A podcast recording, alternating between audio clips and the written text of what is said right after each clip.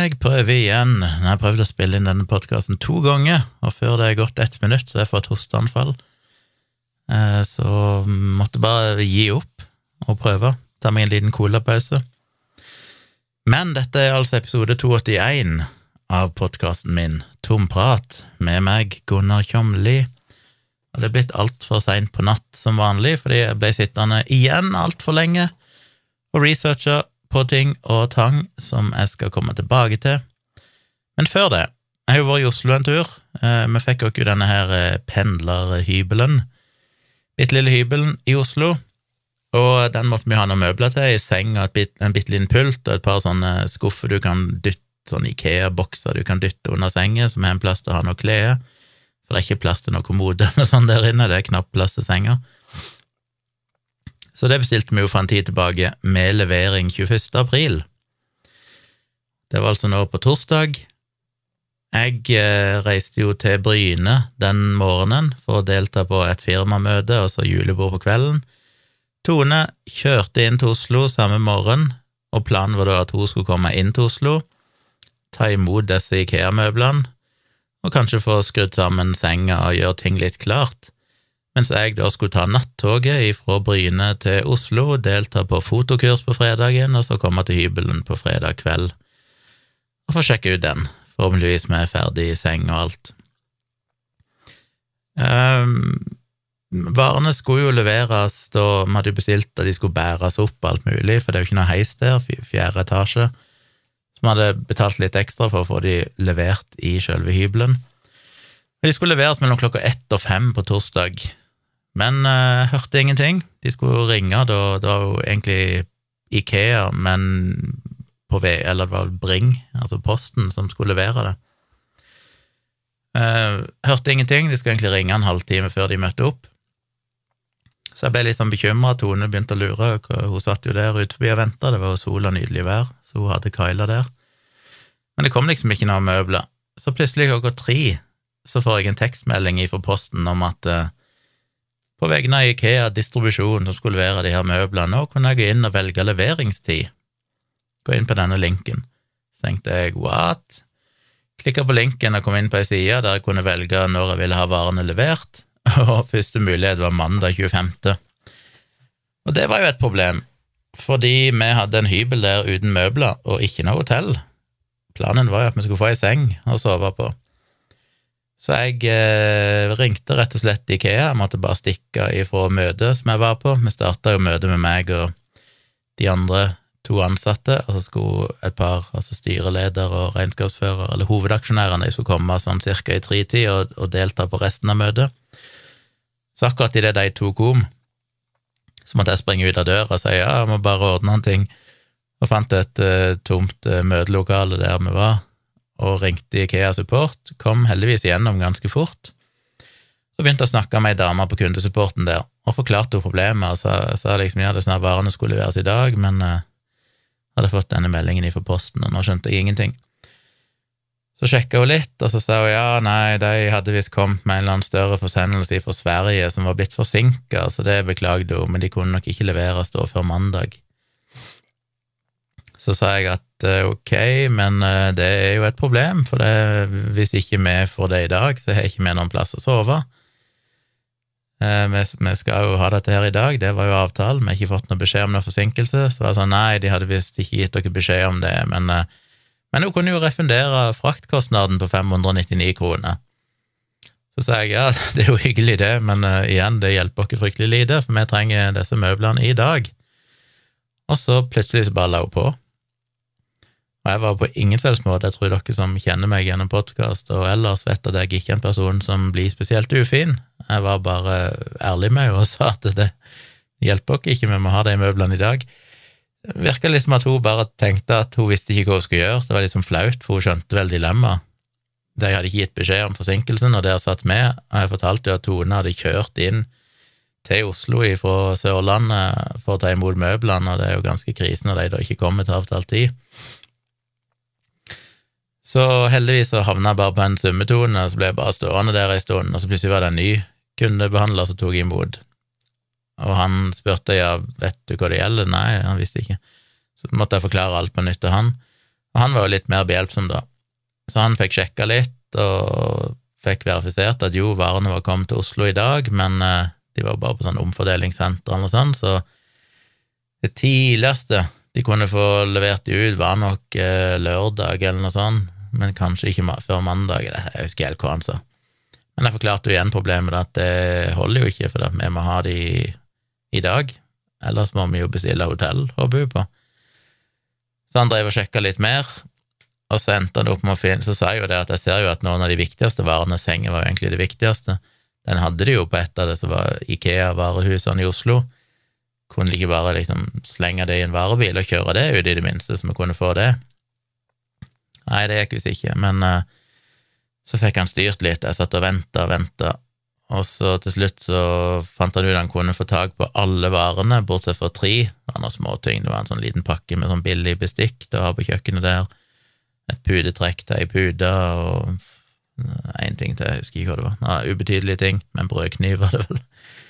Og grunnen til at jeg hadde bestilt alle de tingene ifra Ikea heller enn å kjøpe det en annen plass, var bare at jeg planen var opprinnelig at jeg skulle reise til Oslo alene og være på det fotokurset hele tida, så jeg måtte bare ha ting levert sånn at det var klar. Jeg kunne, hadde ikke tid til å gå ut og shoppe, så jeg var jo på kurset fra tidlig morgen til etter butikkene var stengt. Så derfor bestilte vi bare noen sånn helt basic, billige ting fra Ikea, bare så det var noe der, så jeg kunne leve i den hybelen. Men han fant ut han kunne få tak på alt ifra et av varehusene i Oslo, bortsett fra de tre tingene, da. Men allikevel så kunne ikke det leveres før dagen etterpå, altså på fredagen. Så jeg sa liksom ja, ok, eh, det er jo bedre enn ingenting, men eh, da må jo vi ha hotell. Og så sa han ja, vi kunne bare bestille hotell, og så sende regningen til Ikea. Så det var jo hyggelig. Det var jo ikke optimalt, stakkar, for da hadde jo Tone venta lenge uten noe mål og mening, og hun måtte jo da reise til et hotell. Men det var også en bagatell så jeg fikk bare beskjed om å bestille et hotell, og så bare sende de, eh, ta et bilde av kvitteringen og sende den til en adresse. Han skulle sende meg en mail, så kunne jeg bare svare på den mailen. Så skulle de refundere det. Han sa jo ingenting om hvor dyrt det hotellet kunne være, om det var noe makspris eller noe sånt.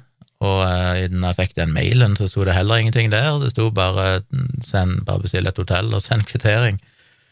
Og da fikk jeg litt sånn dilemma. Det er sånn, ja, ok, skal jeg bare gå for uh, penthouse-leiligheten på The Thief, eller et eller annet sånt, eller hvor, hvor går grensa? Så hadde jeg jo litt lyst til å gjøre det hyggelig for Tone, da, siden hun hadde venta der og òg var stressa og sånn.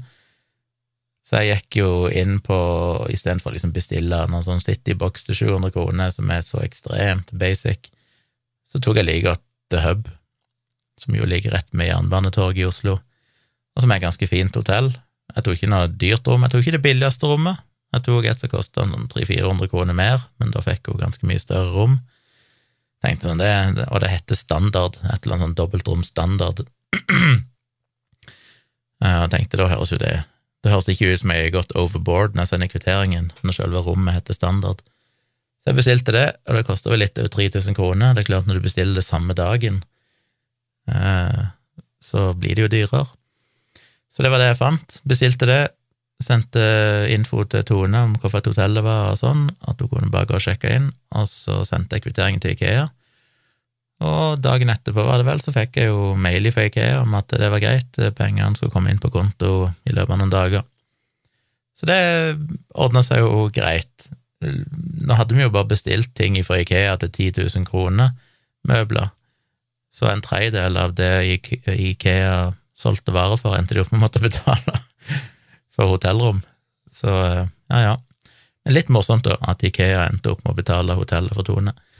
Så hun eh, sjekka inn på hotellet, og ikke, det var jo et greit rom i utgangspunktet, men i tillegg så ble hun jo visst oppgradert når hun sjekka inn, av en eller annen grunn. Det er jo sånn som av og til skjer. Så hun fikk jo plutselig det herlige rommet med egen veranda og greier, så hun, hun storkoste seg jo der med Kyla. Så det var jo hell i uhell. Ehm, så jeg var jo på dette møtet på Bryne. Hadde et lite julebord på kvelden. Hyggelig nok, det. Det var på en eh, restaurant som heter Hemmelig, der du har vanlig à la carte-meny, men det er jo to bordserveringer, tror jeg, der du kan booke for å få en hemmelig meny. Du vet rett og slett ikke hva du får. Så vi fikk jo bare ting servert. Eh, tre retter, en forrett, en hovedrett og en dessert. Og det var jo egentlig greit. Jeg syns ikke maten var fantastisk. Det var helt overkommelig. Men det er klart, nå hadde jeg Nå hadde jo han kollegaen min som ordna dette, han hadde gitt, beskjed, hadde gitt, restauranten beskjed om at jeg ikke spiste kjøtt, så jeg fikk jo en vegetar, eller vel egentlig vegansk, tror jeg, middag, mens de andre fikk eh, noe som så vesentlig bedre ut, for å si det mildt. Men uh, jeg fikk noe sånn ertegreie inspirert av Hva heter det Do, Ikke Den dominikanske republikk, men ja, et annet borti der. Som smakte litt eksotisk. Det var, helt, det var jo godt, men det var jo ikke noe sånn, det var ikke noe bedre enn det jeg kunne gjort sjøl. Det føler jeg jo 90 av tiden jeg er på restaurant, at denne maten er ok, men jeg kunne jo lagd det samme sjøl hjemme. Det er veldig sjelden jeg er på en restaurant der jeg tenker sånn shit, dette var jo faktisk veldig godt. Jeg er ikke en ikke en restaurantfyr. Jeg elsker å gå på restaurant. Veldig sjelden at jeg får mat som jeg tenker at dette var verdt å betale mye penger for. Men uh, helt grei mat, god stemning, hyggelig å henge med, med resten av firmaet. Og etter julebordet så sprang jeg bare rett ifra restauranten og bort på togstasjonen, heiv meg inn på toget, der hadde jeg en sovekupé. La meg til i senga der og sovna relativt fort og våkne opp igjen i Oslo. Det vil si, jeg våkna noen to-tre ganger underveis. Det var litt hard seng, for å si det mildt, og jeg hadde glemt å skru opp varmen, så jeg var jo iskald når jeg begynte å nærme meg Oslo. Men jeg, eh, det var nå greit, det var en god plan at jeg fikk sove. Fikk jo sove en del timer, i motsetning til min opprinnelige plan, som var å stå opp halv fem om morgenen og så ta taxi til Sola og så fly til Oslo og sånn. Da hadde jeg jo nesten ikke fått sove noen ting. Så det var jo greit. Kom til Oslo S, og så sprang jeg opp til The Hub, for jeg er en sånn person som ikke er menneske hvis ikke jeg får dusja på morgenen. Og tanken på å gå rett ifra en hel dag med møter og julebord Ja, forresten, det der telefongreiene med Ikea, det tok jo nesten en time totalt. Så de andre i firmaet begynte jo virkelig å etterlyse meg inne på det møtet. Jeg følte meg jo så dum når de når de ikke fikk med eller når jeg ikke var til stede, når disse her to eh, gamlisene i eh, firmaet kom og skulle begynne møtet, og så bare forsvant jeg i nesten en time. Men jeg hadde ikke noe valg, jeg måtte jo ordne dette. Tone satt jo der og visste ikke hva hun skulle gjøre. Så jeg måtte jo enten fikse møbler eller hotell til henne. Så det ordna seg jo. Men jeg gikk jo glipp av en del av møtet. Kom inn til Oslo, jeg takler ikke tanken på ikke dusje, så jeg sprang opp til The Hub. Jeg hadde litt over en time på meg, eller nei, litt unna, jeg hadde tre kvarter på meg til jeg måtte ta buss for å komme meg ut til Sandvika, der som eh, kurset skulle være. Så måtte jeg så sinnssykt på do, så jeg kom jo inn der i resepsjonen og sa du, eh, samboeren min bor på det og det rommet, er det mulig at jeg kan komme meg opp? For det er jo sånne heiser, hun var jo i 13. etasje, og de heisene må du ha romkort for å kunne komme deg inn i. Men hun ville ikke slippe meg inn, og det er jo riktig, for så vidt, jeg skjønner jo godt det, jeg hadde nesten ikke forventa det, så jeg måtte jo ringe Tone, og dette var jo eh, halv åtte eller noe sånt, og Tone lå jo og sov men jeg hadde jo forberedt henne dagen før på at jeg ville komme og ta en dusj der, om det var greit, og det var det jo. Men da var, trodde hun at jeg kunne komme meg opp der. Så jeg eh, ringte hun og vekte henne og sa kan du ringe ned til resepsjonen og bare si at det er greit at jeg kommer opp.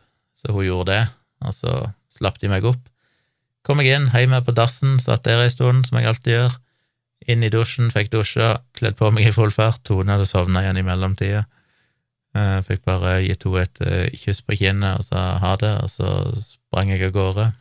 Tok bussen ut til Sandvika, og så var det fotokurs. Det hadde jeg jo gledegruet meg til, fordi jeg visste ikke hva som møtte meg. Visste ikke hvordan de andre folkene der kom til å være, om de var veldig mye flinkere enn meg.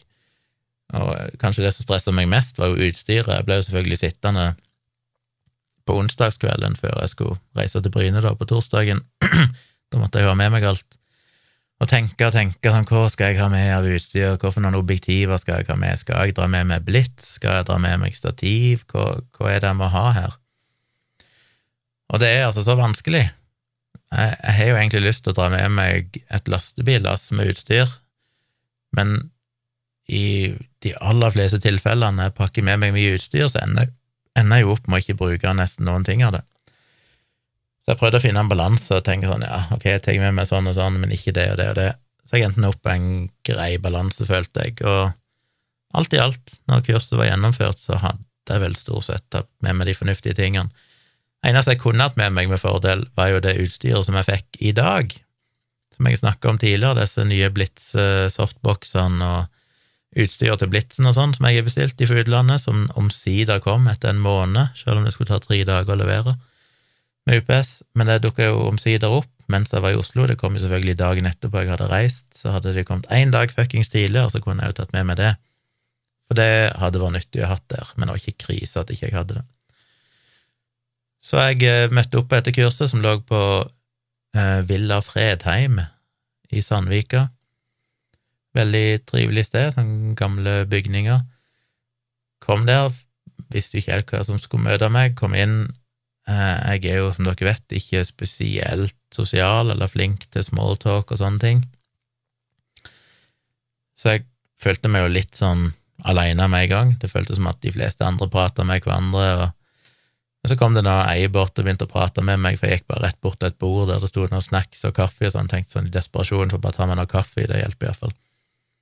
Kom de bort og prata, og det var hyggelig, og ei som jobba i NRK, tror jeg, og hun eh, Ja, så snakka jeg med hun, og da fikk jeg jo litt sånn inntrykk av at Jeg møtte jo arrangøren forresten på utsida på veien der, og da spurte hun òg meg litt sånn liksom, ja, hva du driver med, og hva fotogreier det du liker, men da fikk jeg jo litt Så spurte hun liksom har du vært på sånt før, og jeg sa nei, jeg har ikke vært på noe kurs eller noen ting, så nei. Og da følte jeg med en gang at å ja, så de Jeg fikk sånn inntrykk av at de forventa at du skulle ha en del Gjort en del sånne ting tidligere, da. Så jeg følte meg litt sånn usikker da. Så gikk jeg ut forbi og sto der, det var jo så strålende sol, jeg mener den dagen, den fredagen, var jo helt insane værmessig. Det var jo så varmt, det var som om det skulle være midt i juli. Eh, så begynte jeg å prate med en annen fyr der, og det var hyggelig. Og så, så starta kurset, og da var det jo Nå må jeg ha eh, navnene på de her eh, folkene, burde jeg ikke det? Jeg tror jeg hadde den eh, Jo, der. Eh, kurset, eller masterclassen, dette er jo Oslo Masterclass Weekend, var av eh, arrangerte noe som heter for Blueberry. Hva heter de? De heter Blueberry Photography. Ikke helt fått med meg hva det er for noe, men det er et eller annet firma som tydeligvis Da tror jeg mye arrangerer kurs og sånn innenfor foto. Første dagen var de som het Agnete Brun, en fotograf. Hun starta med et foredrag på vet ikke, halvannen time eller sånt, og vi var jo 14 deltakere, som var jo bare en liten gjeng som satt der. De hadde rigget opp et lerret og prosjektor, og hun viste da eh, ja, halvannen time egentlig bare med bildene sine, og så prata hun litt rundt de og hvordan hun jobber. Og hennes bilder dere har sikkert sett de, uten at dere vet det. Jeg merker iallfall at ja, disse, noen av disse bildene jeg har jeg sett før. Mye magasinforsider på Dagbladet Magasin, og mye sånn artikler, svære reportasjer, sånn der hun tar coverbilder, og hun tar albumbilder til CD-cover og eller platecover. Det er bilder av mange kjente artister, mange kjente folk generelt sett. Og hennes bilder er utrolig bra, må jeg si. Hun har jo en, en evne til å se farger som er ganske sånn fantastisk. Altså, klærne til modellene matcher alltid bakgrunnene. Alt var liksom bare sånn fargemessig harmonisk, på en måte som Det var så rent og fint. Men det morsomme var jo det at hun brukte bare én metode for å ta bilder.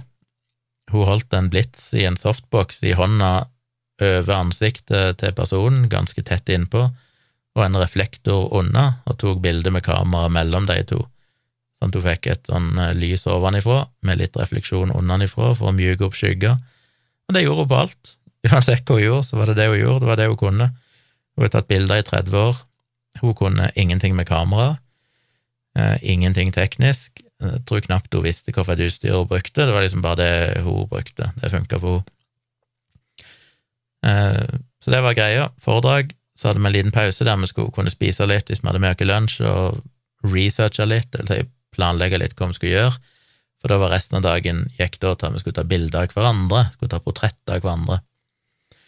Så hadde hun med masse utstyr, hun hadde jo med blitser og stativ og tre kasser med bare sånn rare klesplagg og hatter og alt mulig sånn rekvisitter som vi kunne låne og bruke, stoffstykker og sånn, hvis vi ville gjøre noe moro ut av det. Kunne vi gå rundt hvor vi ville, enten bare gå rundt uh, i området der eller inn i husene og, og finne plasser å ta bilder. Vi skulle jobbe to og to, da, og jeg endte bare tilfeldigvis opp over bordet med en annen fyr, litt eldre enn meg, uh, som var òg veldig stille. Jeg tror ikke det var tilfeldig, kanskje, at vi endte opp på sida av hverandre, for vi var begge sånn litt sånn Jeg følte meg jo som den pratsomme, jeg prøvde å dra i gang praten hele tida, mens han var veldig stille. En veldig trivelig fyr. Eh, så vi gikk ut og, og tok bilder etter hvert. Begynte først å gå en tur, for jeg er sånn i panikk, så jeg vet ikke hva vi skal gjøre. Jeg aner ikke, jeg har ikke peiling, og virker ikke som han hadde noen ideer. Så i panikk så sa jeg bare skal vi gå litt rundt og kikke og se om vi får liksom noen ideer. Så først gikk vi et godt stykke oppover en vei og det var en grei anledning til å bare prate litt og bli litt kjent med han. Men så merka jeg fort at dette kommer vi ingen vei med, så vi gikk tilbake igjen. Og så sa jeg at jeg har en idé, jeg vil prøve det. Og så prøvde vi det, så jeg tok noen bilder av han, og når jeg følte jeg hadde fått noen forskjellige varianter som jeg følte meg litt fornøyd med, eh, så skulle han ta bilde av meg, så det gjorde han sin greie, prøvde å ta litt bilde av meg, og sånn, og sånn drev vi på en god stund i flere timer. Og så på slutten så kunne vi gå inn og så importere bilder hvis vi ville, og sitte og redigere og sånn. Og så Ja, så var vel egentlig det den dagen. Så var det bare å gå ned og ta bussen tilbake igjen til Oslo, og så videre med buss opp til hybelen. Og kom jeg endelig der, da, og fikk sett hybelen, som har blitt veldig trivelig, eh, med seng og det var egentlig senga som røyk opp primært, da, og litt sånn kjøkkenting satt på plass, men Tone hadde ikke skrudd sammen pulten og sånn, for det hadde vært nok å stresse med. Men eh, det vi trengte for å sove der, så vi lå og chilla og sov Neste morgen måtte jeg opp tidlig, dusja sånn, kom jeg ned tar bussen ut til Sandvika igjen, men da oppdager jeg at shit, jeg er jo for sein, dette rekker jeg jo ikke. For det jeg ikke hadde fått med meg, var jo selvfølgelig at det var lørdag, og da gikk jo ikke de samme bussene. Men heldigvis ordna det seg, jeg fant ut hvis jeg tok bussen, eller Tone tipsa meg egentlig, hvis jeg tok bussen ned til Oslo S, og så kasta meg på et tog til Sandvika, og så tok taxi fra Sandvika bare fem minutter med taxi. Så eh, rakk jeg det, og det gjorde jeg akkurat. Så jeg kom meg der i tide. Dag nummer to, da var det Massimo, og navnet hans, etternavnet hans, står ikke i, i her. Eh,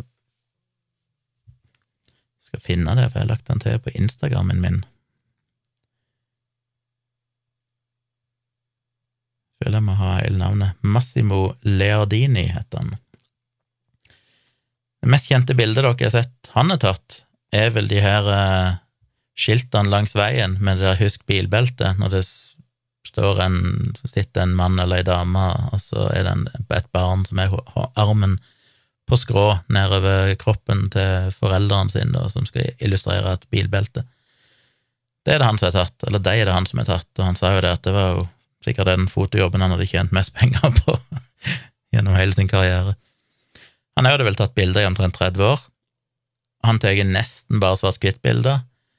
Mest litt sånn modell Ja, han har gjort mye forskjellig, da, men han blir jo leid inn mye av ja, både italienske og australske og andre magasiner, så han har gjort mye i Norge òg.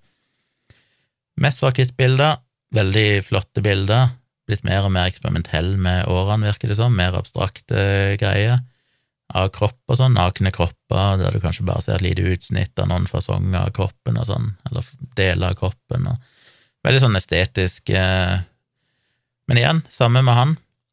Han, eh, han viste da to timer eller sånn med bildene sine og snakka litt om det. Men vi oppdager fort at han òg kunne jo nesten ingenting med kamera. Og han var sånn Agnete Brun, hun måtte ha blits på alt. Hun kunne ikke ta bilder uten blits. Hun var blitsoman, sa hun. Massimo han brukte basically aldri noe lys eller blits. Det var bare naturlig lys. Så han kom der kun med ett kamera. Egentlig bare ett objektiv. Han hadde en 50 millimeter, eller en 55 millimeter, som egentlig var til et annet kamera men som han brukte med en adapter. Kun manuell fokus. Eh, helt sånn primitivt. Mest basic du kan gjøre. Og det er litt sånn deilig å se det, da, for jeg er litt sånn, jeg må med fem objektiver og filter og blits og softbox og alt mulig rart. Mens han er sånn nei, han har med seg sitt gamle, slitte kamera og ett objektiv, og det lever han av. Tar bilder for eh, magasiner i hele verden. Og han er jo, han er jo helt motsatt til Agnete Brun. Hun er jo veldig sånn Veldig jovial og gledesspreder og smiler og veldig utadvendt. Eh, liksom snakker veldig mye. Kommanderer hvordan folk skal bevege seg og stå. Massimo han sier han sier nesten ingenting, han. Han bare står der med kamera. Og så prøver han bare ting, og så sier han ja, kanskje du skal gå der heller, og så prøver han å ta bilder. Hvis ikke han føler det funker, så sier han kanskje ja, kanskje du skal sitte der. og så, så driver han på, om det så tar hele dagen, helt til han uh, føler at nå fikk jeg et eller annet som er, er bra. Veldig forskjellig. Dette var lørdagen, og etter vi hadde vært med han, så skulle vi igjen da dele oss i grupper på to eller tre. Da endte jeg igjen opp med han samme, men så etter hvert var det ei dame òg som ble med oss. Vi var tre stykk, og da skulle vi jobbe med modeller. Så da hadde de fått inn fem modeller, ikke profesjonelle modeller, egentlig bare fire unge jenter i alderen jeg tror de var fra 16 til 22, og en gutt som likte å være modell, men ikke egentlig hadde jobba noe med det. De var jo veldig unge, veldig uerfarne. De hadde visst vært med på noen sånne workshops tidligere, eh, så de kjente litt, noen av de. Så de var da nede på Sjøholmen, som var egentlig på andre sida av E18, nærme sjøen på Sandvika, så vi gikk ned der. Modellene kom, vi fikk vel en time med hver modell, og så skulle vi da rotere. Vi var da tre stykk, så vi fikk jo egentlig sånn 20 minutter hver på hver modell. Og så er det jo å komme på ting igjen, det er jo det som er så vanskelig. Plutselig står du der med ei jente på 18 år eller 16 år, og så er det sånn, ok, nå skal vi ta bilder. Men da har det jo nettopp sett Massimo sine bilder som er veldig lekne på mange måter. Han er mye klassiske portretter sånn òg, men mye bilder der de ser kanskje rare ut, eller gjør rare bevegelser, eller eh, Så jeg følte jo Han var jo litt opptatt av det, han ville se litt bevegelse. Så jeg hadde ikke lyst til å ta de der klassiske modellportrettene. Men det er vanskelig å komme på ting. Men jeg prøvde jo bare alt mulig. Det var liksom Oi, der sto det noen båter, robåter lagra opp ned, så vi krøyp. Fikk hun ene til å krype unna en båt med meg. For det skapte et sånn lite rom, og så prøve å ta bilder der. Og det var da jeg skulle hatt blitz og sånn. Jeg hadde jo ikke med meg noe sånt da. Uh, ja, fikk jo til å klatre opp på en sånn svær avkappa trestamme som sto der, en sånn svær rot sitte der, og alt mulig rart. Men eh, jeg følte liksom aldri helt at ting ble helt topp. Han eh, gutten jeg skulle ta bilde av han, så hadde hun som var før meg, hun hadde med seg et sånt svært blått eh, tøystykke, slør eller sjal. Så jeg tenkte jeg skulle, det pakka vel hun rundt han, så han ble liksom som en havfrue i manneversjon. Men eh, jeg ville han skulle flagre litt med det i vinden og sånn, følte ikke det funka, alt så bare teit ut. Men så plutselig så rappa han det rundt seg, og så skulle jeg bort og bevege det, og så endte jeg opp med å gå unna sjalet sammen med han, og stå og liksom vifte med sjalet og sånn, og så ta bilder unna der mens sjalet sånn delvis dekker han og ikke dekker han, og lyset kom inn og ble blokkert, og knipsa som en gal under der, for jeg visste jo at her er det jo bare tilfeldigheter som avgjør om det blir et bra bilde eller ikke. Vi endte opp med å, å bruke en av de da til slutt. Eh, så det var jo òg en veldig morodag. Spiste litt lunsj på Sjøholmen og fikk prata litt mer med de andre. Og igjen, da når vi følte vi hadde gjort nok, så var det oppe og, og sette seg ned og importere bildene oppe på Villa Fredheim igjen, og så bruke litt tid på å redigere og sånn. Dag nummer tre, søndag, da skal vi begynne enda tidligere. Da skal vi begynne klokka ni, så jeg måtte jo reise i åttetida fra Oslo. Eller før det, halv åtte måtte jeg reise. Eh, det vil si jeg måtte stå opp halv sju det var tidlig å stå opp på en søndag. Opp halv sju, gjør meg klar, tar bussen ut, kommer meg der. Da var det Helge Skodvin, en bergenser, som skulle holde foredrag. Og han eh, er jo igjen en helt annen type fotograf. Dette var jo tre veldig forskjellige typer. Han er jo en fyr som er mer opptatt av Altså, hans prosjekt er jo egentlig å dokumentere Norge sånn som det er i dag. Han er jo veldig sånn anti antiglamorøst, mens eh, andre gjerne vil dokumentere Norge med å vise det storslåtte og fantastiske sånn, så tar han bilder av de små, banale tingene. Ting som stort sett ser litt sånn stygt og blast og kjedelig og trist ut. men gjerne da i en, en serie, en kontekst. Han, en, han ble jo mest kjent for den serien om Volvo 240, en bil, bilmodell som han plutselig av en eller annen grunn fikk som besettelse på, og endte opp med å reise rundt i hele Norge for å oppsøke alle som hadde en Volvo 240, og så ta bilde av den ut forbi huset eller i et landskap eller noe sånt, og ga ut ei bok som heter 240 Landscapes, tror jeg han heter, som vel fikk sånn internasjonal anerkjennelse og ble kåra til beste fotobok det året, i 2015, eller hva tid det var. Så har han gjort andre ting, som å dokumentere Bergen i mai. Han går ut en hver dag i mai i Bergen og tar et bilde, eller dokumentere jul hver desember, et par uker, nei, en måned før jul, så går han ut. Han ender rundt i landet, hvis han ser noe julepynten plass, så tar han bilde av det, men det er jo ikke sånn flott julegreie, det er alltid sånn triste greier som kontoret til en eh, lastebilsjåfør med Playboy, toppløse damer på veggene og askebeger og røykpakker og papirer og rot overalt, og så står det tre bokser med pepperkaker, og det er liksom jul på det kontoret. Men han er jo en sånn fascinerende fotostil, for han har ett kamera, han har ett objektiv, en 24-70 zoom-linse, han har en blits på, kjører blitsen basically på maks, kjører F11, det betyr altså at det er ingen dybdeskarphet, altså alt er basically i fokus. F11 det er gjerne den, den, innstillingen du bruker når du skal, eller den blenderåpningen du bruker når du skal ta bilde av landskap og sånn, da du vil at alt fra det som er helt nærme deg, til det som er helt milevis i horisonten, skal være i fokus. Når du tar portretter sånn, så er det jo ofte vanlig at uh, en går helt ned i 1,4, for eksempel, hvis en kan det, som gjør at bare kanskje øynene og litt av kinnene og munnen, leppene kanskje er i fokus, mens ting liksom blir mer og mer ufokusert når du kommer bak på øret og sånn, du får en sånn blurry effekt. Eller F4, kanskje, hvis du vil at mer ansiktet skal være i fokus, avhengig av hvor du står hvilket objektiv du bruker og sånn, men at bakgrunnen er ute av fokus. Men han kjører F11, alt er i fokus, bare peprer på med blits eh, rett på, og da blir jo bildet egentlig helt flatt. Det, det blir jo som et polaroidfoto, en godt gammeldags 80-tallsbilde. Han har jo ofte litt sånn blasse farger, syns jeg. Alle bildene ser ut som de er tatt i Sovjetunionen i 1982, for alt er så trist. Deprimerende. Det er nesten rart at de bildene er tatt i Norge i 2022, nå, når de, for de ser jo, de ser jo så gamle ut. Uh, så det er hans stil. Men det er jo ikke tilfeldig allikevel. Det er ikke sånn at han slenger opp kamera og tar et bilde. Han er jo ekstremt OCD på komposisjonen han, kan, han tar oftest bilder på stativ fordi han trenger å justere kameraet flytte det sånn at alle tingene Ingenting som overlapper i bakgrunnen, og alt må være symmetrisk, og ting som er i kantene av bildet og hjørnene, og alt må stemme, liksom. Så det ser kanskje veldig tilfeldig ut, men alt er veldig gjennomtenkt. Så han brukte et par timer på å vise sine bilder, fortelle litt, lese litt ifra bøkene sine og sånn.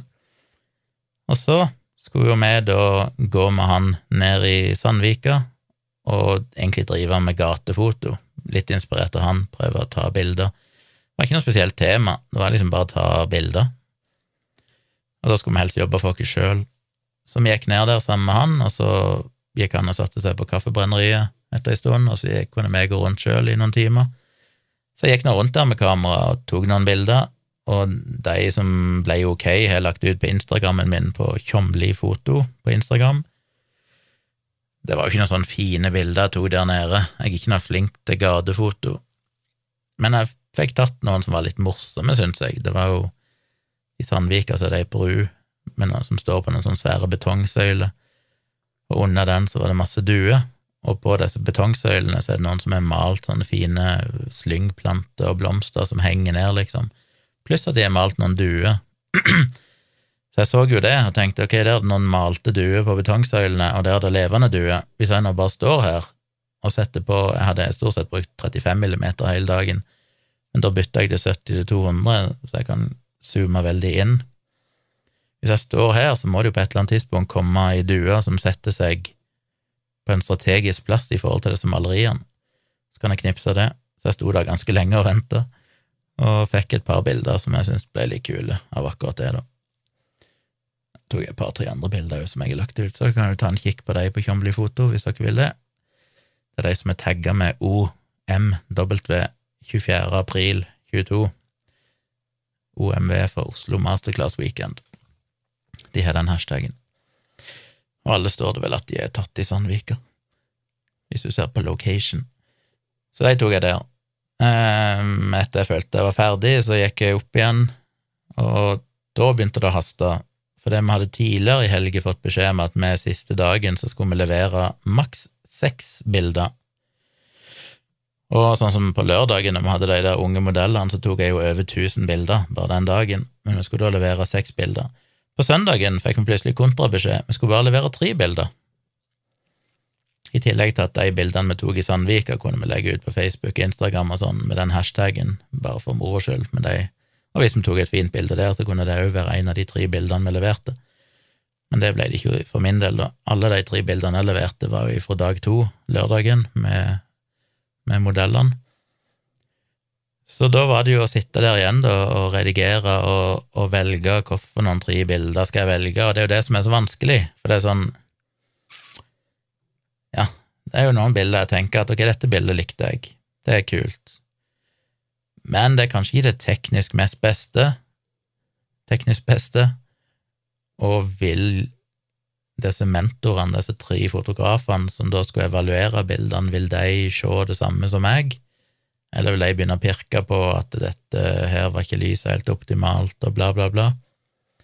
Men det er jo noe med den, det er jo det, er jo det som er det vanskeligste i hele greia, det er jo den selvtilliten, da. For det er jo noen bilder som Du kan ha to bilder, et portrettbilde, for eksempel, som er 99% identiske, men så er det et eller annet med det ene som du ikke alltid kan sette fingeren på, et eller annet med blikket som bare treffer deg. Så, ok, her er det et eller annet. Men er det, subi, er det bare meg, liksom? Det kan jo være at det andre bildet egentlig var teknisk sett finere. Eh, og så blir en redd for at de skal begynne sånn, ja, men du burde heller hatt sånn og sånn, og så hadde jeg tenkt sånn, ja, men jeg hadde jo fem bilder som var akkurat sånn, men de valgte jeg ikke, jeg valgte dette, for at akkurat dette var det jeg likte. Ja, det er grusomt, men jeg bare, til slutt så gikk jeg for de tre bildene jeg gikk for, og leverte de inn. Når alle hadde levert inn, så satte vi oss ned, så skulle de gå gjennom alle bildene. Da var det tre som hadde forsvunnet av sykdom. Så da var vel bare elleve stykk med tre bilder hver, så det var 33 bilder. Så de tok tre og tre bilder, altså tre bilder til hver deltaker, viste de på storskjermen mens alle så på, og så var alle de tre fotografene der samla den siste dagen, altså Agnete Brun, Massimo og Helge Skodvin, og eh, skulle da kommentere de, og det var jo ganske skummelt å vise bildene til alle, pluss de tre profesjonelle fotografene. Men jeg kom vel greit ut av det, føler jeg.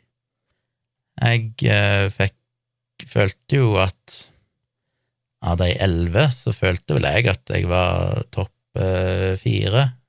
Topp fem, iallfall. Det var vel kanskje tre, tre eller fire bilder som ble vist fra andre fotografer, som var ekstremt bra.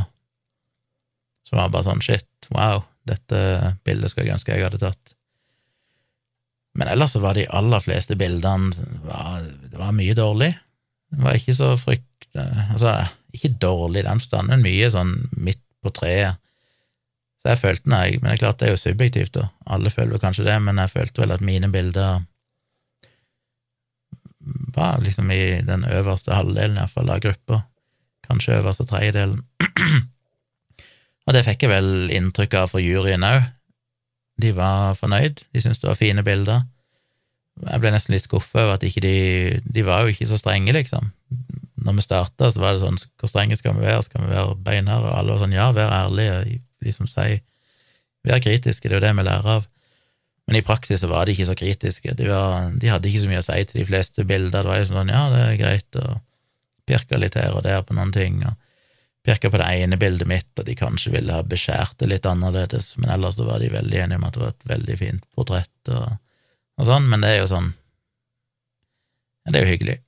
Men jeg har jo sånn konkurranseinstinkt, jeg. Jeg har jo selvfølgelig lyst til å være best. Jeg har jo lyst til at når de viser bildene mine, så skal alle fotografene der bare kaste seg ned på kne og si dette er det beste de har sett noen gang. Eh, Nei da. Men uh, jeg var fornøyd. jeg var fornøyd, og likevel så gikk jeg derifra med litt sånn tom følelse. Det var sånn Det var, de, var vel bare ett bilde de sa, liksom, at, eller kanskje to, av andre fotografer som de sa liksom dette var superbra. Det sa de ikke om mine. Det var liksom bare at dette var veldig bra, det var veldig fint. Hadde ikke så mye å utsette på det. Og så gikk de videre til neste, så hadde nesten vært bedre å fått kritikk, da, så jeg iallfall hadde lært noe av det. Så da føler jeg jo, da blir jeg så usikker, for da er det sånn, ok, var de bare intetsigende? Anyway, jeg skal legge det ut snart uh, på Instagrammen min på Kjomli foto, de tre bildene som jeg valgte ut. Og så har vi jo en avtale med å signert modellkontrakt med de unge modellene som var der, sånn at i tillegg til de tre som jeg har valgt ut, så kan jeg jo nå sjøl velge ut så mange jeg vil, som da modellene skal få og kan bruke sjøl, og så kan jeg òg bruke de. Så nå skal jeg uh, ta meg tid til å kikke gjennom resten av bildene og, og se om der er og plukke ut en håndfull av hver modell, og så redigere de litt, og så sende til de. Så kommer jeg nok til å poste en del av de på Instagrammen min utover uka, og sikkert de beste de legger sikkert ut, ut på eh, foto.tjomli.com, er det. Foto.tjomli.com, som er nettsida til Tjomli Foto, der jeg legger ut ganske mye av bildene mine. Kanskje jeg legger det ut på Tjomli Foto Facebook-sida, som jeg er litt for dårlig til å bruke, men jeg burde jo legge ut bildene der òg. Så dere kan gjerne ta en kikk på dem når de kommer. Så hva satt jeg igjen med etter dette kurset? Litt usikker. Lærte jeg mye? Nei, egentlig ikke. Altså, dette var en masterclass, og han eh, Bjørn et eller annet som jeg ikke husker navnet på nå, er òg en kjent fotograf. Um, må jeg søke han opp her. Bjørn Bjørn Oppsal. Han var da en av de som leda det, selve arrangementet. Veldig flink fotograf, òg tatt bilder av masse kjendiser, Justin Bieber og Taylor Swift og masse norske, og sikkert mye i forbindelse med presseoppdrag han har hatt i sine yngre dager. Han har jo tatt mye bilder, veldig flink fotograf. Uh, han uh, Jesus, hvor var jeg hen nå? Hva er det jeg skal si? Uh, hva er det jeg satt igjen med etter kurset? Han husker ikke hva jeg skulle si. Men hva var det jeg satt igjen, satt igjen med etter kurset? Jeg følte ikke jeg lærte Jo, det var det han sa masterclass. Jo, han sa når han introduserte det, så sa han hvis det hadde vært sykepleiere, så er det sånn at et kurs, det er å lære seg å, å gjenkjenne et sår.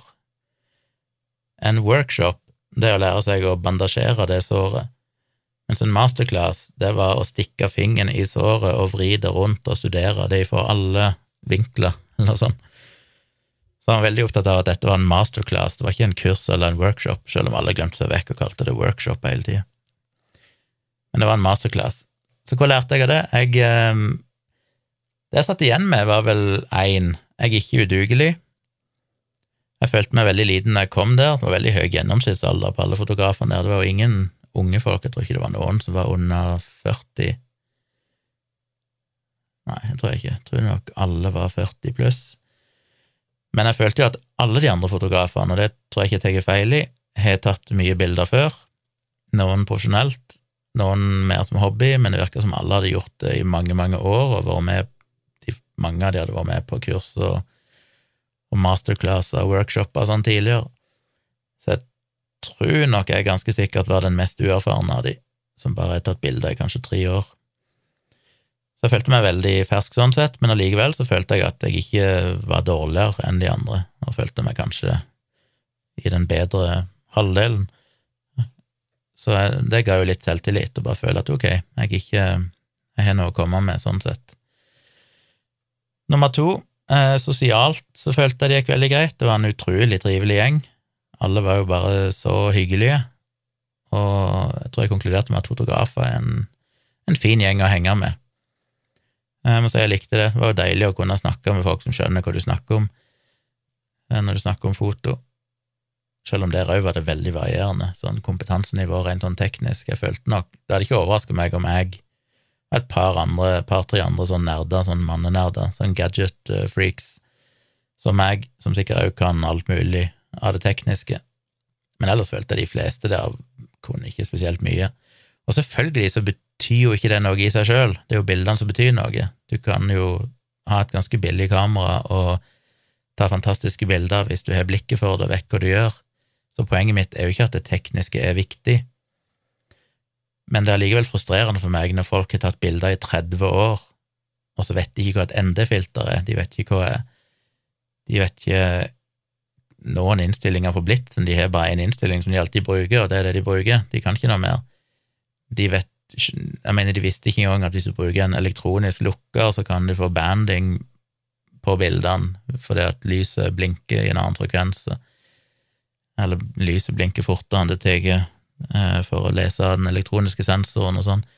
Altså, det var sånne ting de drev diskuterte, som var sånn å ja, å, og så tenker jeg sånn Jesus, alt det her kunne jeg første året. Eh, etter 1000 timer på YouTube, så kunne jeg alle de her tingene. Så hun var sjokkert over hvor lite mange av de kunne. Men det er jo ikke sånn sett viktig. Det er jo alt dette kan bry seg om. Eh, så det var hyggelig å kunne snakke med litt andre folk da, som hadde litt peiling. Så det funka bra, det sosiale. Jeg tror ikke noen tenkte at jeg var så veldig weird eller rar tror jeg fremsto som ganske normal, og var ganske flink til å prate og oppføre meg, tror jeg, så det var jo greit. Jeg var jo egentlig ikke nervøs, jeg har jo nesten slutta med sånt. Det var mer bare at jeg var spent på hvordan ting kom til å være. Jeg var heller ikke noe særlig nervøs når vi skulle vise bildene siste dagen, det var bare sånn, ja, ja. Følte meg ganske fornøyd med de bildene jeg hadde tatt, og det som skjer, det skjer. eh, så følte, fikk jeg òg noe igjen, kanskje det viktigste en får igjen for det, og det jeg tror ofte folk betaler for når de betaler for et kurs. Det er ikke alltid så mye at de skal lære noe mens de er der, men det å kjøpe seg muligheten til å dedikere tid til det de brenner for. Eh, kurset koster vel 10 000 for tre fulle dager fra morgen til kveld, men da er det bare foto du driver med de tre dagene. Og det er ikke ofte ellers jeg kan sette av en hel fredag, lørdag og søndag til å bare tenke foto. Det er alltid så mye annet i livet mitt jeg må gjøre. Så det er et eller annet med det, når, du arrangerer, når noen arrangerer en sånn masterclass eller workshop, så er det noe med det at det du ofte kjøper, er jo bare ok, nå, nå, er, nå er det foto som gjelder i disse dagene. Og det er verdt å betale penger for, at noen bare legger til rette for det, liksom.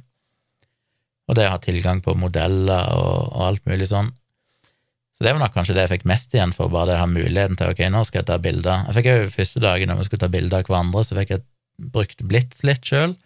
Og jeg har alltid vært litt sånn redd for blitt, så jeg bruker det så lite og litt sånn usikker hvordan jeg skal bruke det. Men da fikk jeg jo litt selvtillit på det, at eh, ok, jeg fikk jo dette til, jeg skjønner det. Jeg, eh, det var liksom greit. Ganske sånn liten ting, men det var viktig for meg. Og til slutt så sitter en igjen med inspirasjon Ehm, det er jo inspirerende å se de Agnete, Massimo og Helge, og se hvordan de jobber. Forskjellige stiler, hvordan de tenker, hvordan de bruker utstyret. Eh, det var inspirerende. Lærte kanskje bitte grann av det, selvfølgelig. Lærte litt av hvordan Agnete tok bildene sine, hvordan hun brukte blitsen og sånn. Det er ikke at jeg ikke kan de fra før, jeg vet jo de tingene. Men det er kanskje en slags lærdom i å bare se at ok, hun har tatt bilder i 30 år, en av Norges fremste sånn fotografer, tatt fantastiske bilder, og hun gjør det sånn. Så enkelt gjør hun det. Massimo bruker bare naturlig lys og er ett objektiv. Så enkelt kan du òg gjøre det, og det funker. Helge bare blæste på med Blitz og F11, og det er helt greit for han. Så det er liksom, det er nok lærdommen, ikke at jeg lærte noe nytt som ikke jeg visste fra før, jeg tror ikke jeg lærte noen ting nytt som ikke jeg kunne fra før, men det er mer bare for bekreftelse i at det er måter å gjøre det på som fungerer. Så det var verdt, eh, verdt pengene, verdt tida. Eh, jeg har nok lyst til å gjøre det igjen en gang. Jeg vet at Blueberry Photography skal og andre aktører òg, men jeg arrangerer jo ting i utlandet og sånn òg. Reiser ei uke til Italia eller Budapest eller whatever med en eller annen kjent fotograf. Alle driver og, og sier at du må ikke gå på kurs med Morten Krogvold, han er så skummel. jeg vet ikke om jeg tør gå på kurs med han engang, han virker jo livsfarlig. Men ja, jeg kunne nok tenkt meg å gjort det igjen hvis jeg har råd og mulighet og tid, eh, kanskje spesielt til utlandet, det å kunne reise til ja, for eksempel Italia. Jeg har sett kikka litt lysten på det tidligere, sånne workshops i Italia for foto, der du bare bor på et eller annet idyllisk sted med en gjeng, og alt handler bare om foto hele tida. Igjen tror ikke jeg lærer så mye av det sånn teknisk, men det er noe med det å du bare kjøper den muligheten til å dedikere tid til foto, det jeg brenner for, i en periode.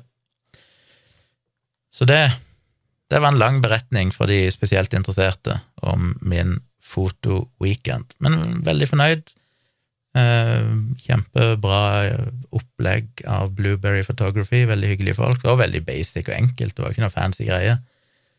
Det var en kanne med kaffe og noen druer og Twist på bordet og et ganske sånn shabby, lite lokale, gammelt hus. Men idyllisk sted. To personer som sto for alt, egentlig. Eh, arrangører. Det var veldig sånn basic og lite, men funka veldig bra. Veldig uformelt, veldig upretensiøst, veldig hyggelig, inkluderende, som til og med jeg kunne trives med, så kan ikke klage på det. Gjerne gjør det igjen. Det var alt jeg hadde å si om akkurat det. Da skal jeg gå over til noe annet. Jeg fikk en uh, mail skal vi se om vi finner den igjen. Fikk en mail ifra uh, Hvor ble den mailen av? Fikk en mail ifra Jarle. I dag, faktisk. I kveld, faktisk. Så skrev han eh, følger tomprat, sånn mer eller mindre. Så hørte jeg om denne Wolfgang Wee. Fantastisk interessant med Terje Tvedt. Og så dristet jeg meg til denne, og så sendte han en link da, til en eh, YouTube-video. For så vidt veldig interessant, men ganske mye biologi fra en historiker. Tenkte kanskje du syntes dette var interessant å diskutere, dissekere litt, spesielt dette med p-piller og lukt. Og det han henviser til, er altså Wolfgang Wee sin podkast, som òg legges ut på YouTube, der han tydeligvis har en eh, miniserie, som han kaller det, om hva han heter, miniserie ja, om eh, Norges historie, eller verdens historie, eller et eller annet sånt. Der han er med en historiker som heter Sturla Ellingvåg, og de er seks episoder på mm, halvannen time hver, eller noe sånt. Så det er en lang, eh, omfattende serie der de går gjennom tydeligvis 12 000 år med norsk historie. Det. Og i der, langt ute i episode nummer én, faktisk, som da han Jarle hadde hørt på, så begynner han å prate litt. Dette skjer én time og ja, Det begynner vel på én time og ett minutt uti, så handler det om gentesting. Det er sånn kapittelinndelinger nede i teksten under videoen. Jeg skal lenke til videoen. Så du kan klikke på den som heter gentesting, og begynne der. Så jeg har bare hørt, jeg har ikke hørt noen ting før det, men jeg har hørt de for gentesting, og ca. 20 minutter framover. Så alt det jeg snakker om her, det er da 20 minutter av denne episoden, og den bekrefter jo på mange måter alle mine fordommer mot Wolfgang Wee, eh, det jeg ikke liker. Men det han snakker om her, er jo Han begynner å snakke litt om gentesting, men så går han over på p-piller og kvinner. Og bare noen sitater der han sier da liksom Ja, jeg må bare si, jeg vet ingenting om Sturle Ellingvåg. Jeg googler han, ser det har vært mye kontroverser rundt han tidligere. Eh, jeg skal ikke gjenta dem, for jeg vet ikke hvor sanne de er. Hvis dere googler han, så finner dere vel fort det.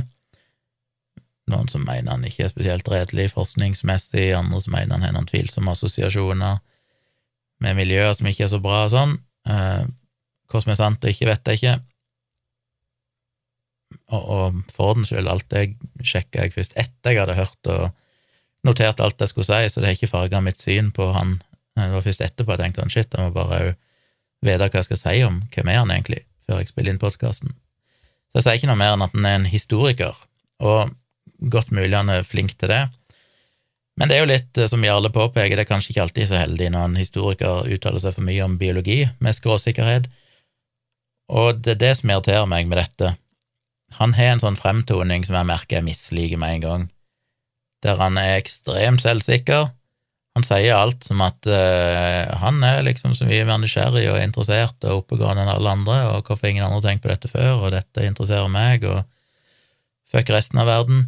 Og så er alt han sier, bare sånn Dette vet vi jo, dette har vi hørt tusen ganger før, dette er jo ingenting som er smart med det du sier, det finnes ikke noe intelligent med det du sier her. Men han føler han er så superintelligent, virker det som, det er så irriterende. Han sier for eksempel at uh, i to, og òg måten han snakker om forskning på, det er liksom som Ja.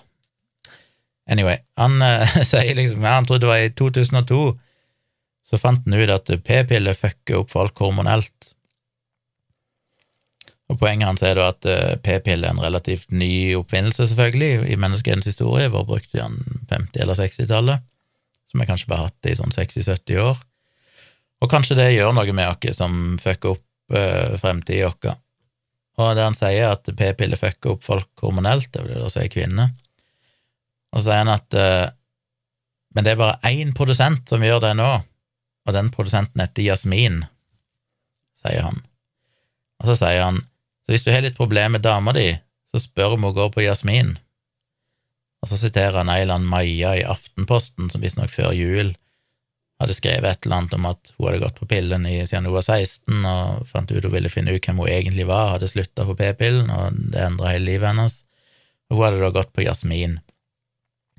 Og det han påstår, da, han her Sturla, er jo at eh, tidligere så var, var p-pillene fryktelige, men nå har alle endra seg, bortsett fra jasmin. Det er kun jasmin som er sånn fortsatt at de påvirker hormonene, eller fucker opp folk hormonelt.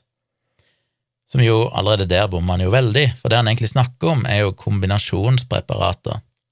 Altså de som både har østrogen og hva det heter, progesteron Progesteron Østrogen Ja. for du har piller som har både østrogen og progesteron, og så er det de som bare har progesteron, som er mer minipiller og enkelte andre sånne, sånne stav, p-stav og forskjellige ting. P-spiral og sånn, jeg tror alle de bare er progesteron. Og enkelte p-piller, som sagt.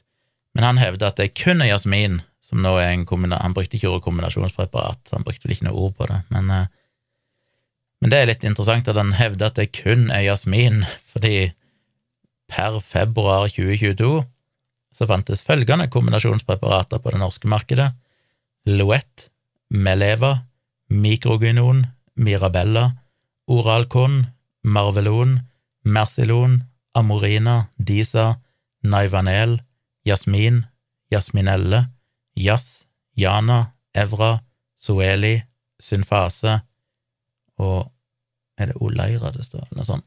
Iallfall en lang rekke kombinasjons-p-piller, så det er jo på ingen slags måte kun jasmin. Og han snakker jo om dette her som at det er sånn Det, det er bare det ene preparatet, og det fucker opp alle damer. Og så er det et eller annet som bare skinner gjennom med kvinnesynet hans som er så gammeldags, virker det som. Det er sånn Hvis du har litt problem med dama di, så spør om hun går på jasmin det, det får sånne vibber, sånn kvinnelig hysteri, og kvinner er så hormonelle og grusomme vesener, men kanskje de blir litt greiere å ha med å gjøre hvis ikke de er så hormonelle, så se, se om de går på riktig type p-pille. Mansplain til de hvorfor ei p-pille de skal gå på, for all del. Jeez. Men ja, jeg fant den aldri, denne Maja i Aftenposten. Jeg googla etter Aftenposten og p-pille og Jasmin og med og uten Maja, og jeg fant ingenting, så det er mulig han husker feil hvilken avis det sto i, eller noe sånt. Jeg fant iallfall ikke noe om det, men det er ikke så relevant. Så kommer han jo til poenget da han sier at forskningsstudier eh, viser at gamle p-piller og jasmin endrer luktesansen. Så det er jo bare noe, måten han sier det på. Det er sånn, ja, det er forskningsstudier, og forresten, det er utrolig morsomt å lese de. Så han, han legger det fram som at eh, ja, han er en sånn fyr som sitter og leser forskning hele dagen lang, og dette er så interessant, og et eller annet med den der tonen når, som dere skal høre, så viser det seg jo veldig fort at han leser tydeligvis ikke så mye forskning. Men han liker inntrykk av at han er en sånn fyr der som sitter og leser forskning på dass. Eh, og poenget hans er at uh, gamle p-piller og jasmin, altså han mener jo fortsatt at det kun er jasmin som er et kombinasjonspreparat, som det jo ikke er, men de endrer da luktesansen til kvinner.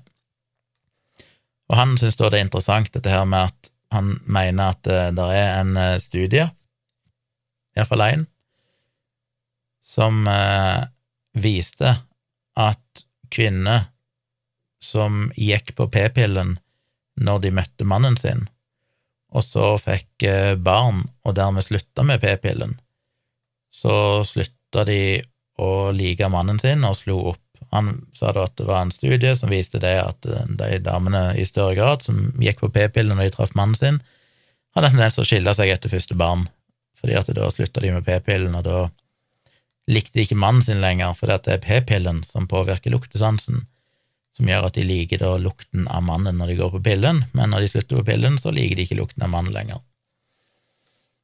Og så går, de, går han inn på en tirade da med, med god støtte av Wolfgang Wee om at eh, og egentlig så er det jo kvinner som velger menn, ikke motsatt, og vi må ikke lage lurer, og verden, livet blir så mye lettere så fort en bare innser at det egentlig er kvinner som bestemmer dette, og bla, bla. Ikke noe galt med det han sier, men det, igjen, det, det er noe sånn gammeldags i måten han snakker om det på.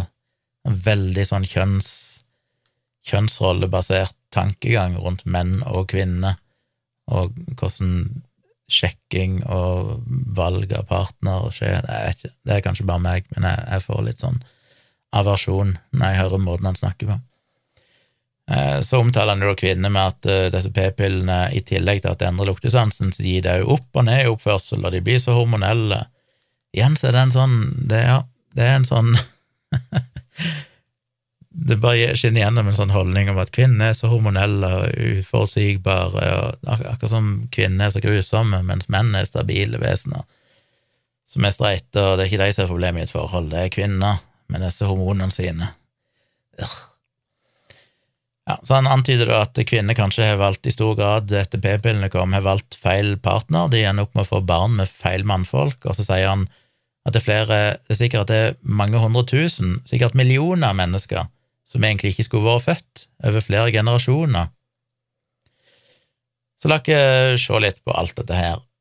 Det han henviser til, er jo Det starta jo med en studie i 2002, eh, nei, 2001 var det vel, ble publisert.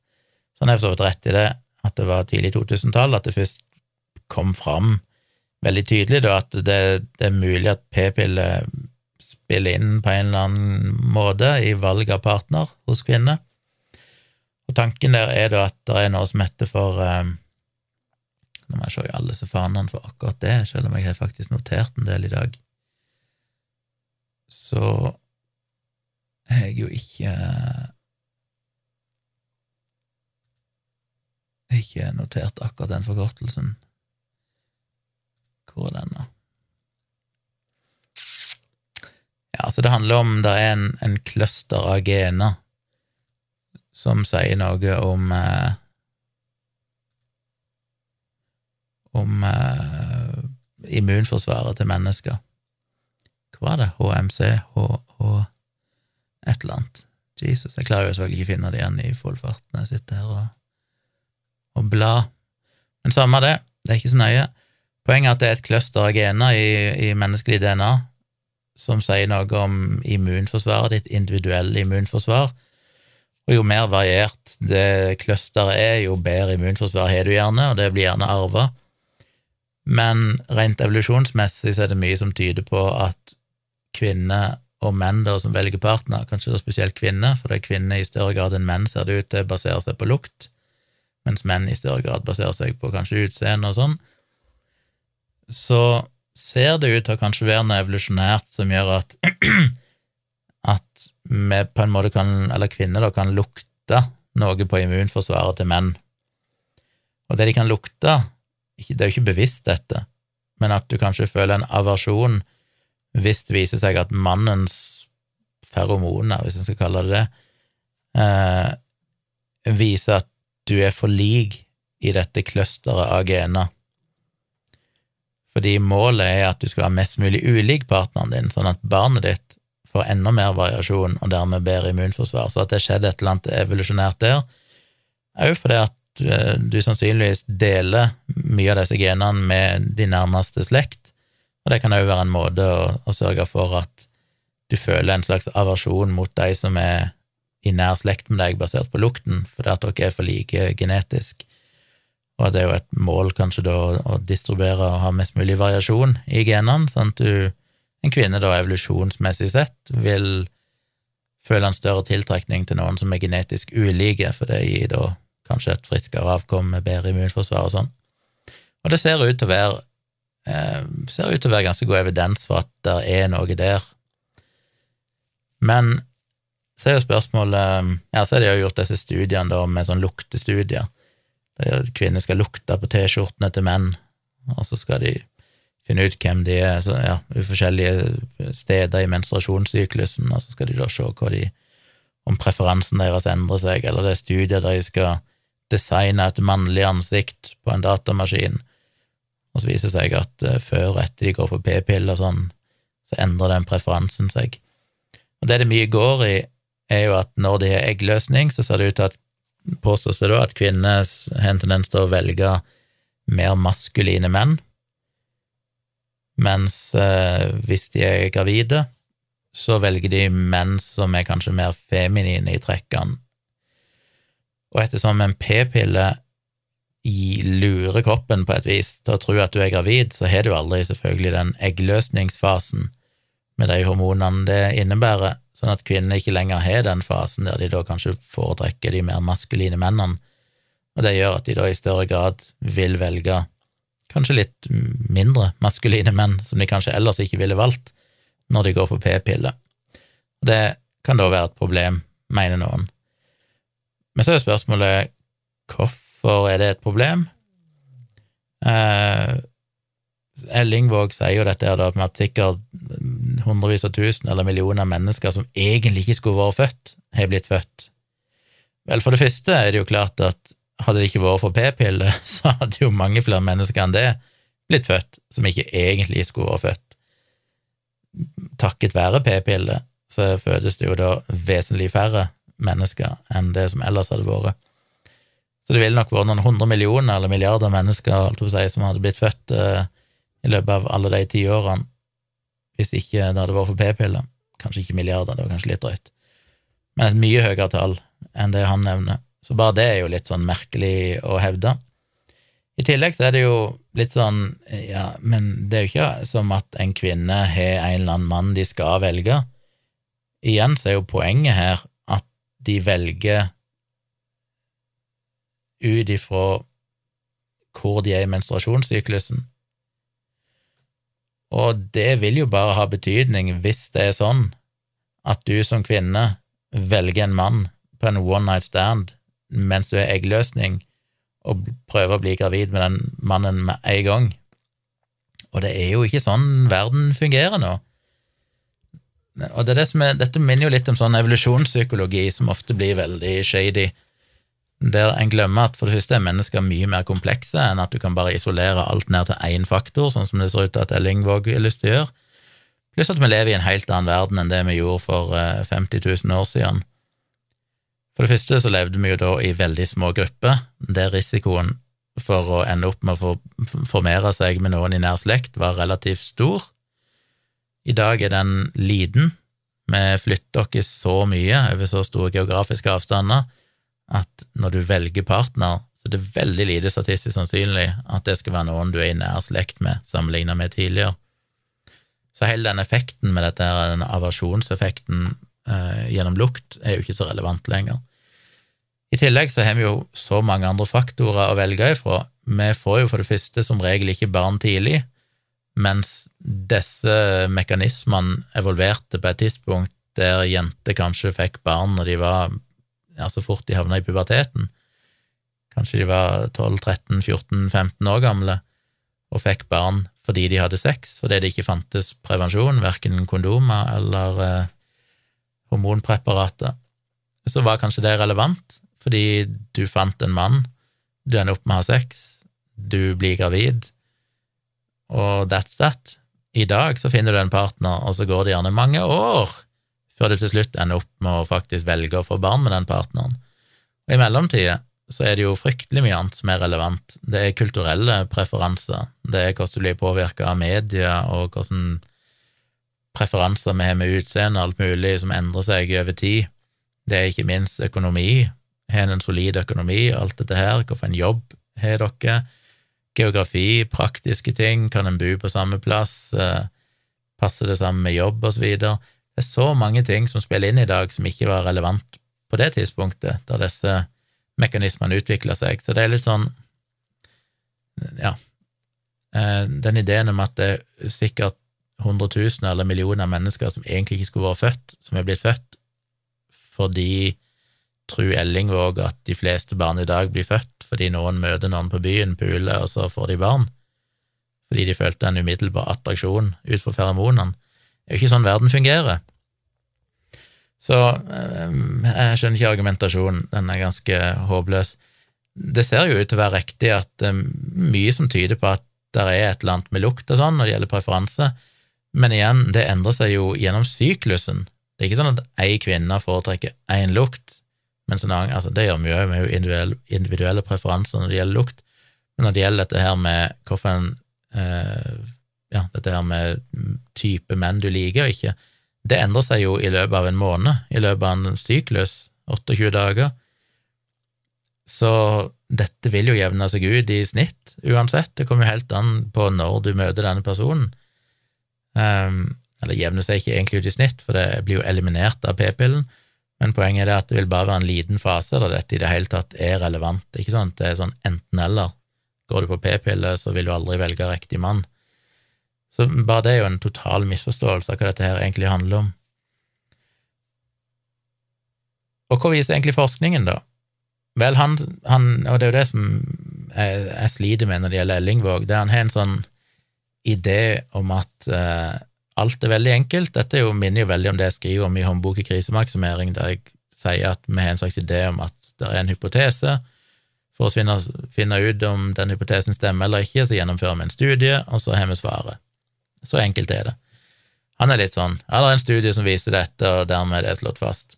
I realiteten så er det jo gjennomført utallige studier på dette, med sprikende resultater. Det er null enighet egentlig om dette.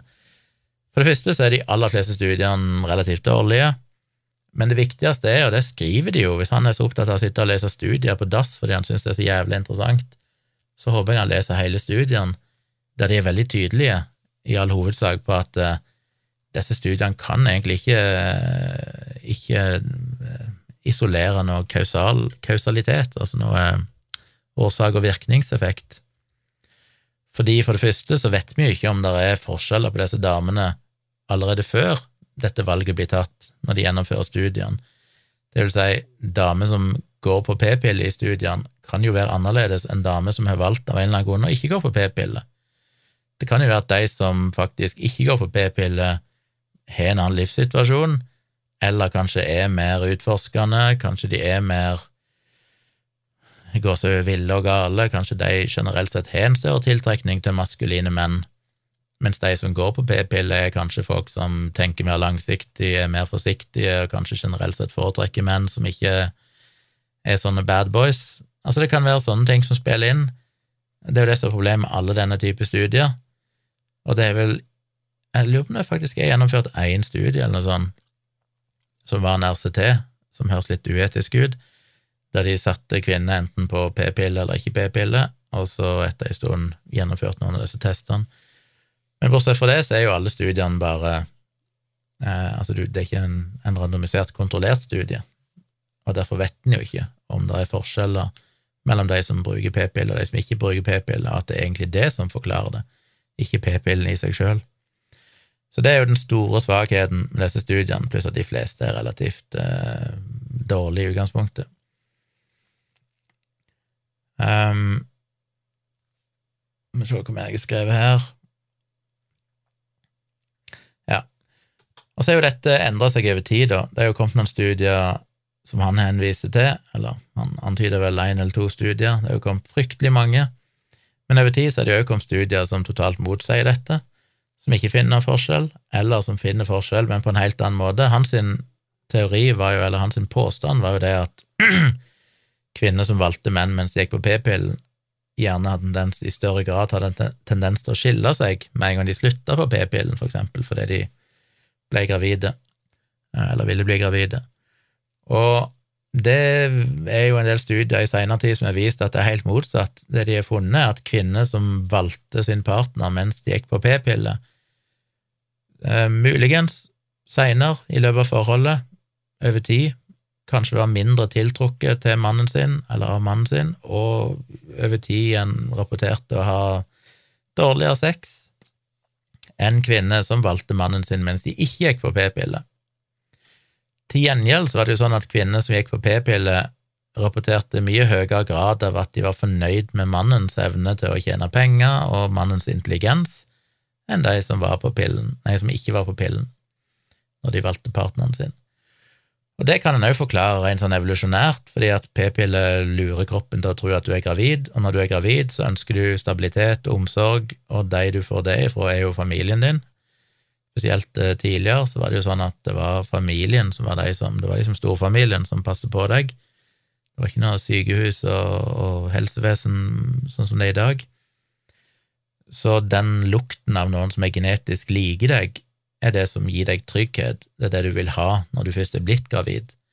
Men før du er blitt gravid, da kan det være du vil ha en maskulin mann, en som kanskje er litt mer vill og gal og alt det der, uvisst hvorfor. Eh, så derfor så kan det jo virke som at hvis du går på p-pillen, så vil du kanskje i større grad bli tiltrukket til bra menn, som er smartere, som har en god jobb, som er mer stabile, mer omsorgsfulle, alt dette her. Mens hvis du ikke går på pillen, så er du kanskje mer tiltrukket av en eller annen uh, maskulin hunk som stikker av et, ei stund. Så uh, kanskje litt dum og, og sånn, for å sette det på spissen. Og så viser det seg òg at i stikk i strid med det Ellingvåg sier, så var det jo sånn at kvinner som gikk på p-pille, hadde mindre sjanse for å skille seg. De skilte seg altså i mindre grad enn det de kvinnene som ikke gikk på p-pillen, når de valgte sin partner, gjorde. Så eh, der sa han jo bare totalt feil.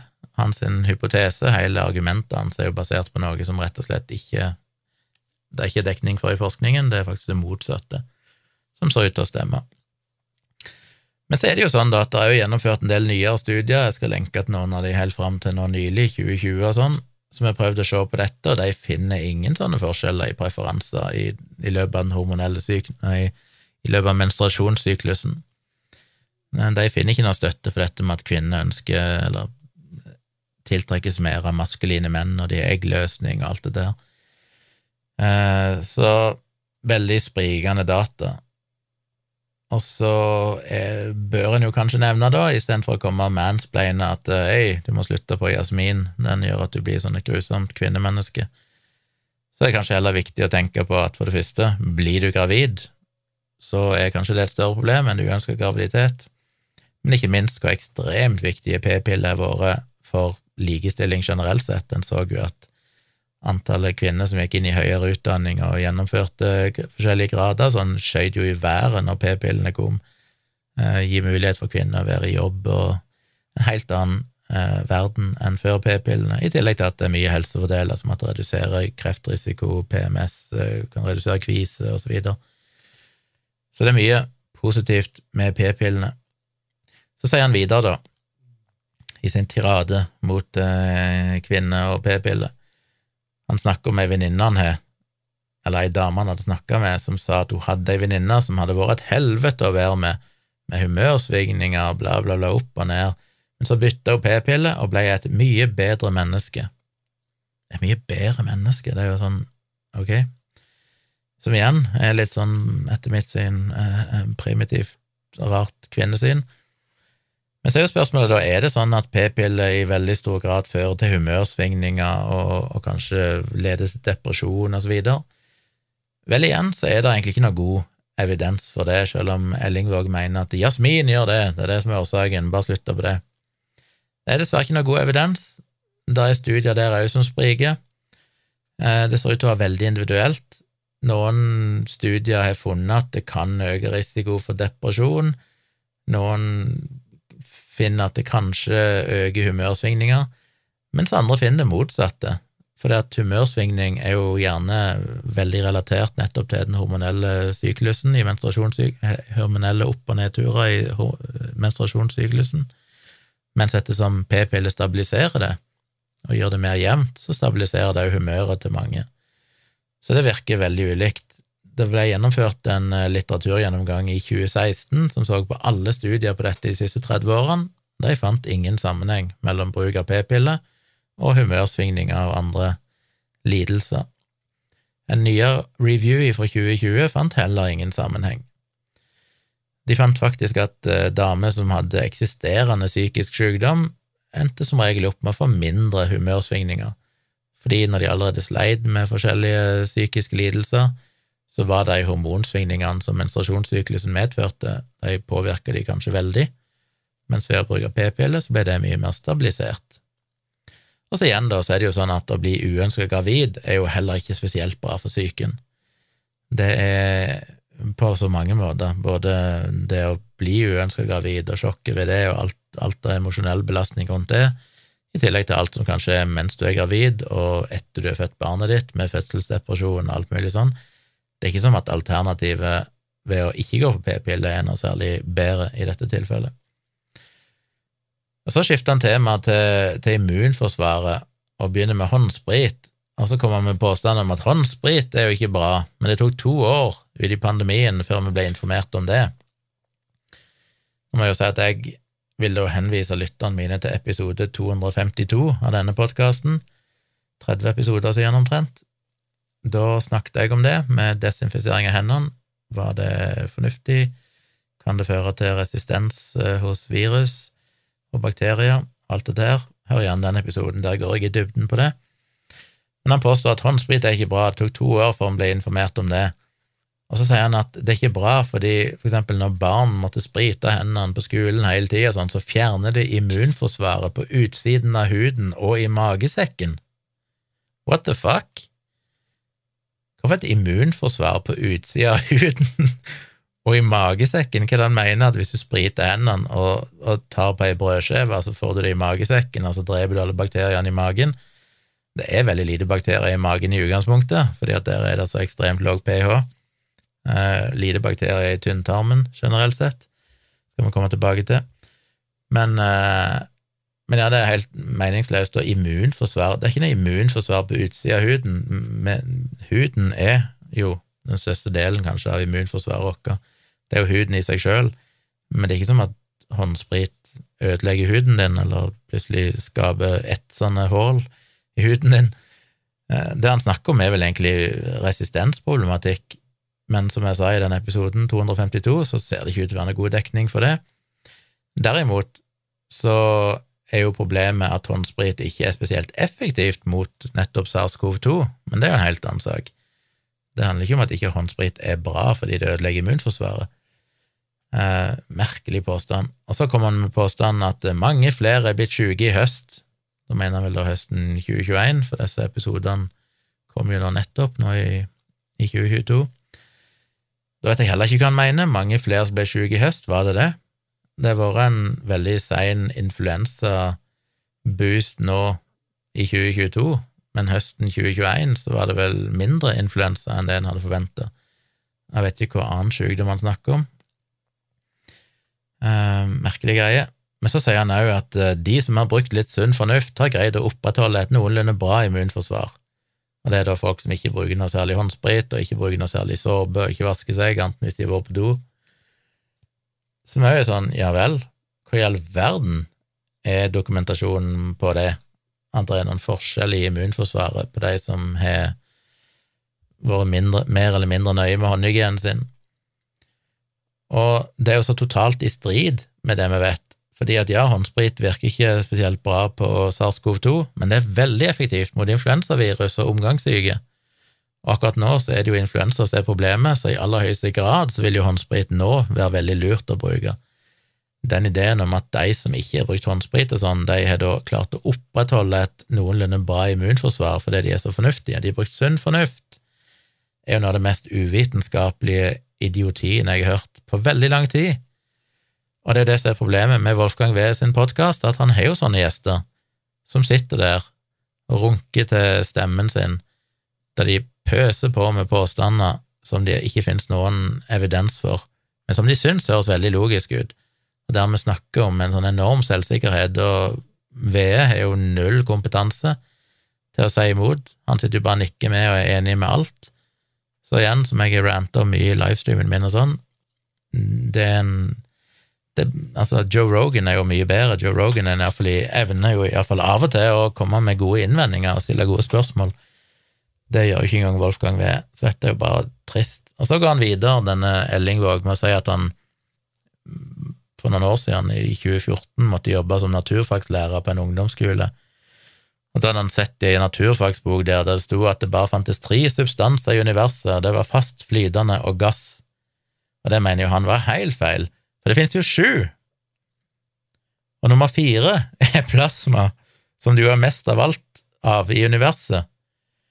Og det frustrerte jo da han så at denne naturfagsboken tok så feil, han håpte de hadde oppdatert det, for dette var jo så ille og ikke måte på. Men hva, igjen, hva er det for en jævla selvhøytidelighet? For det første, på det nivået i, i læreplanen så skal du lære om fast flytende gass. Det er egentlig de eneste tre formene eh, masse kan ha på jorda som er relevante. Ja, hvis du kommer opp på, universitetsnivå og sånn, så kan du begynne å lære om andre, men det er kun sånne kunstige tilstander som egentlig ikke eksisterer. Plasma er jo den eneste som er relevant, som man nevner, men den finnes det jo nesten ingenting av på jorda. Det er riktig at det, mest, at det er mest av den tilstanden i universet, men jeg regner med at det de skal lære om på det eh, klassetrinnet, er jo de tre mest vanlige tilstandene som eksisterer på jorda, og det er fast flytende og gass. Og det handler jo om det som kalles for partikkelmodellen. Jeg måtte inn og google og lese litt om det, og det er jo tydelig at det er jo noe av det de skal lære om, men det er ikke relevant å lære om plasma på det, på det klassetrinnet. Og så sier han at det finnes syv, syv forskjellige tilstander, som er feil. Der finnes jo alt etter hvordan du velger å, å måle det, så kan det finnes utallige. Eh, det er en Wikipedia-artikkel som lister opp jeg mener bare innenfor fast så finnes det jo forskjellige typer faste tilstander, men det finnes òg andre tilstander, sånn Bose-Einstein-kondensat og fermionic condensate og superledere og det er alt mulig, men det handler jo mer om kvantetilstander, ting som finnes inni hvite dverger i stjerner, og i nøytronstjerner og sånn.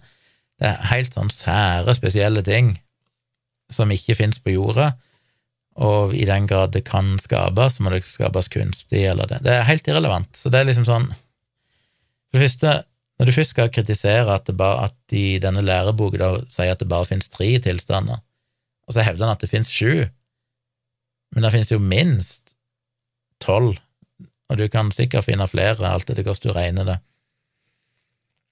Så jeg vet ikke hvor han får sju ifra, men det er en sånn, han har lest om sju, og derfor er det tydeligvis det som er sant, for det er det han har lest en gang i tida, og da er alt annet idiotisk. Uten å ta inn over seg at sju òg er fullstendig feil. Om de hadde stått over sju, så er jo det akkurat like feil.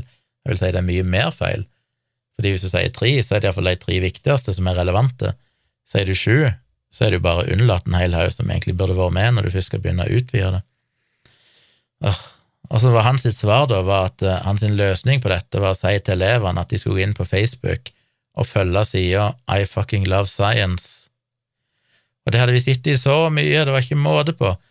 Jeg mener, det binder jo hele greia sammen på en så fin måte, for det måten han snakker om dette på, om p-pill og hormoner og håndsprit, det er jo nettopp sånn som I fucking love science driver på. Det er jo derfor ingen seriøse folk egentlig følger den sida lenger. For det er jo det den har fått så enorm kritikk for, at han er tendensiøs på den måten. Finner sånne morsomme vitenskapelige nyheter, publiserer dem som om det er fakta. Og så er det jo sannsynligvis ikke det. Ting er mye mer komplisert, det er mye mer nyanser i det. Men det er ikke så rart at han og Wolfgang Wee, som også sa han fulgte den sida, syns at I fucking love science er sikkert helt genial, for det er sånn de ser på vitenskap. Det er liksom bare ja, jeg så en studie som viste at, og dermed så er det fakta og sannhet, og det er ikke noe å diskutere. Mens ingenting, egentlig, av det Ellingvåg snakket om i de 20 minuttene, er jo korrekt. Nærmest han kom, er at det nok er sannsynlig at p-piller kan påvirke luktesansen til kvinner, muligens, selv om det er mye motstridende studier der òg. Kanskje det nærmeste han kommer, men utover det så er jo alt han påstår, bare tull. Eh, og så fortsetter han jo med at nå er jo alt snudd opp ned, liksom, for det er i 2014 så kom den første rapporten ut om hva som er inni et menneske. Ja da. I 2014 skjedde det, ser du. Før det visste vi ingenting, men ifølge Ellingvåg, i 2014 så kom den første rapporten ut om hva som er inni et menneske. Og det endra alt med hvordan vi skal behandle sykdom og sånn, ifølge han. Jo, og hva var det vi fant ut da? Jo, da fant vi ut at det var mer bakterieceller enn menneskeceller, eller flere bakterier enn menneskeceller i menneskekroppen. Fordi 90% av alle celler i kroppen din er bakterier.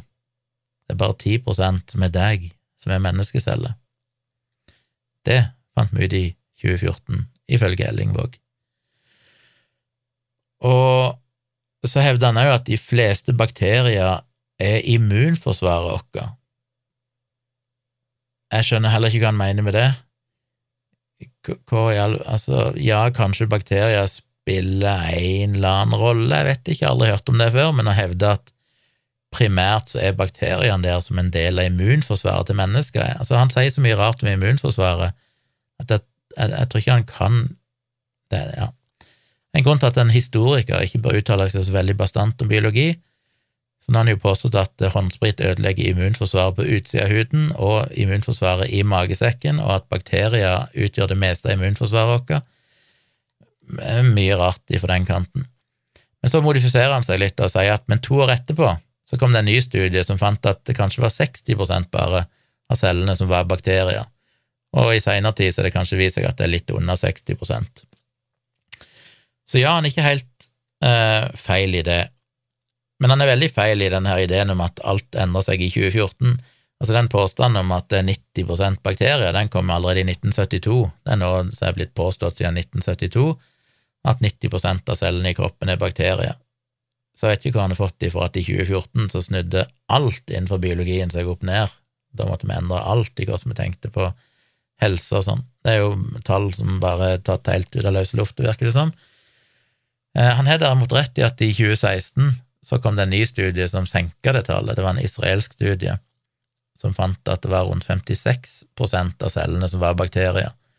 Så det var nesten 50-50. Problemet er jo at Ellingvåg fremstiller som at han sier jo at disse bakteriene i stor grad utgjør immunforsvaret. altså Det gir jo et inntrykk av at dette, disse bakteriene er rundt i hele kroppen. I, når du ser på kroppen din, vevet ditt, så tenker du at alt av hud og muskler og fett og sånn er celler, men halvparten av de er jo kanskje bakterier. Det er ikke sånn det fungerer. Når du snakker om prosenter her, så er det jo snakk om antall, ikke for eksempel masse eller vekt. I eh, vekt så er det bare 0,3% av kroppen som er bakterier. 99,7% av vekta di er menneskeceller, fordi de er mye større enn bakteriene.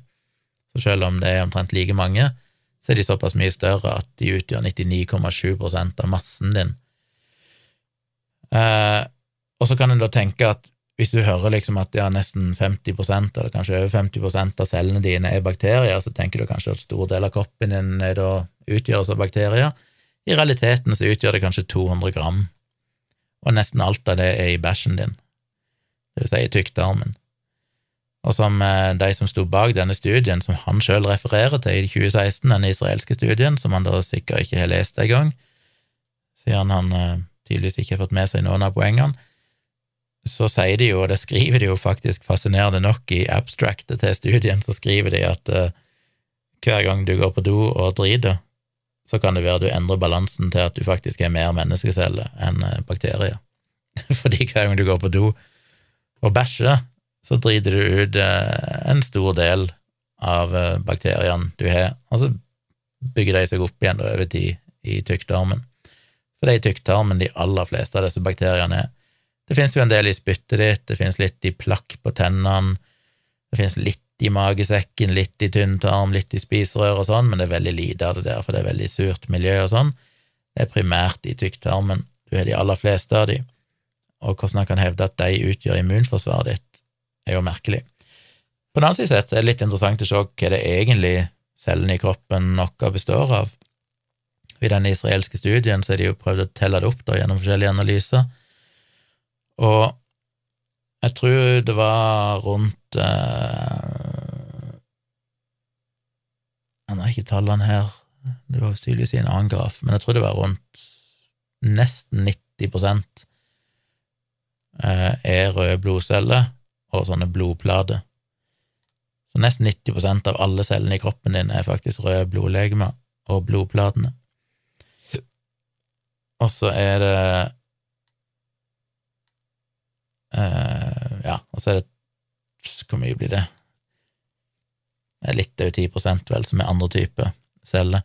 Hvis du heller ser på, og det er i, uh, i antall Hvis du heller ser på vekt, så er det bare så er det 2,5 kilo er røde blodceller.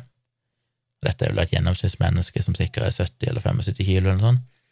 13 kilo er fettceller, 10 kilo er andre typer celler, 20 kilo er muskelceller.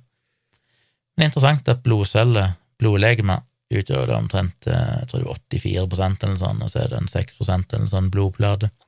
Så i blodet ditt så finnes jo faktisk de fleste cellene, i antall, men ikke i vekt. Så går han videre og sier at uh, mennesker har ca. 20 000 gener, mens bakteriene har over to millioner. De er mye rikere, sier han, og det er ikke så rart, sier han, for de har jo eksistert mye lenger enn oss. Så prøvde jeg å faktasjekke det, da, men ut ifra det jeg kan forstå, så er jo det en total misforståelse.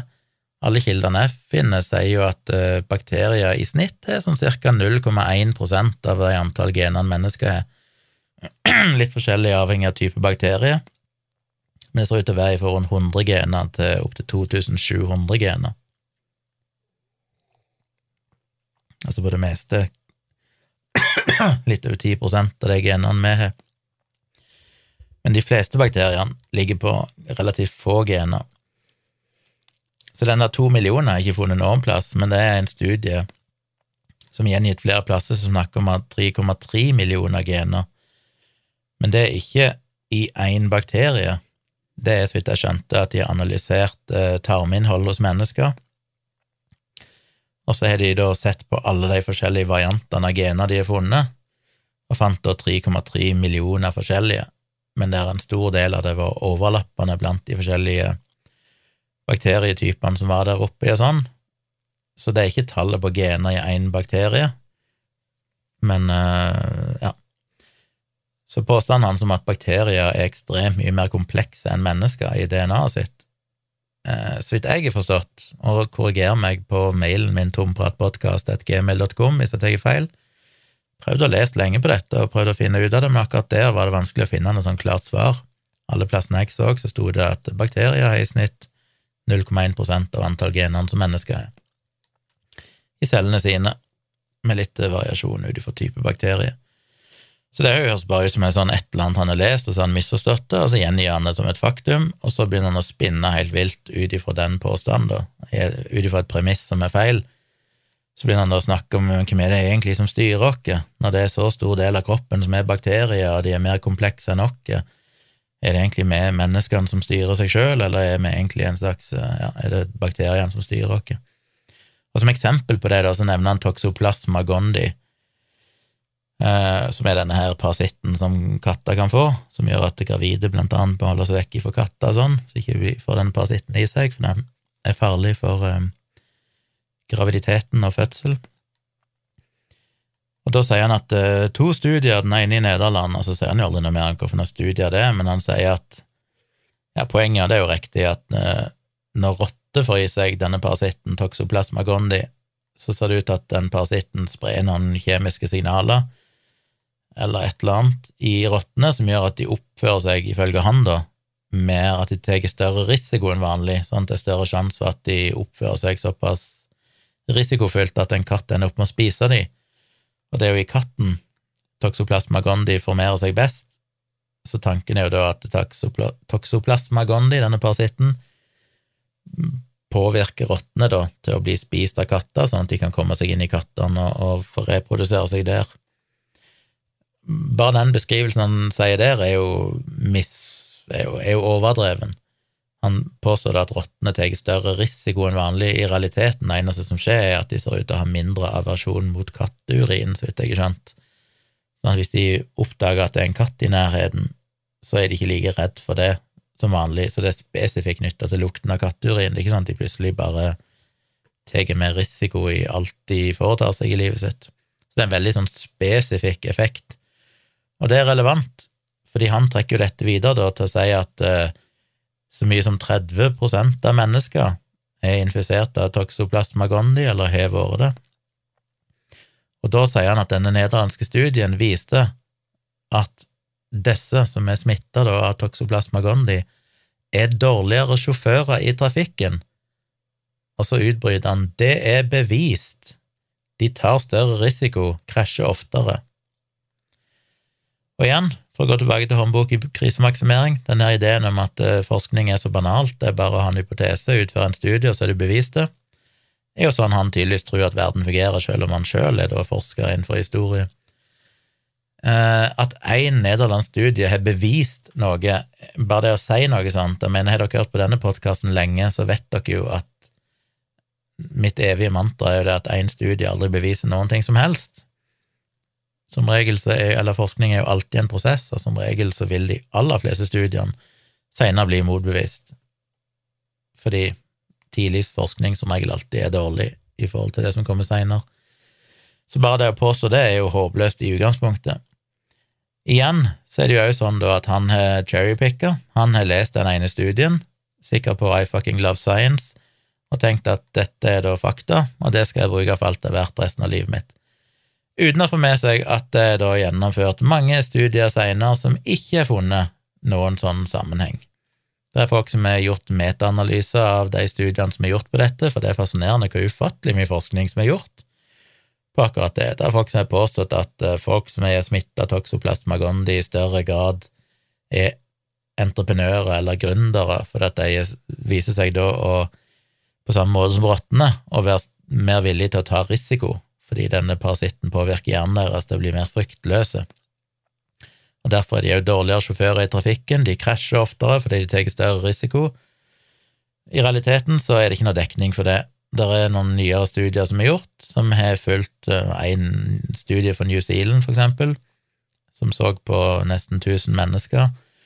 Fulgte de uh, i veldig lang tid, på nesten gjennom et helt liv, der de da kunne se på hvem av de som var smitta, og det de fant, var riktignok at rundt 30% av de så ut til å ha toxoplasma gondi, men så fulgte de alltid fra eh, Criminal Records, eh, hva heter det, rulleblad, eh, altså politiregister og sånn, til helsejournaler, til statistikk på psykiske plager, til IQ, til kognitive evner, til antall ganger de hadde hatt ulykker i trafikken. Alt det der fant ingen forskjell på de som hadde toxoplasma gondi, og de som ikke hadde det.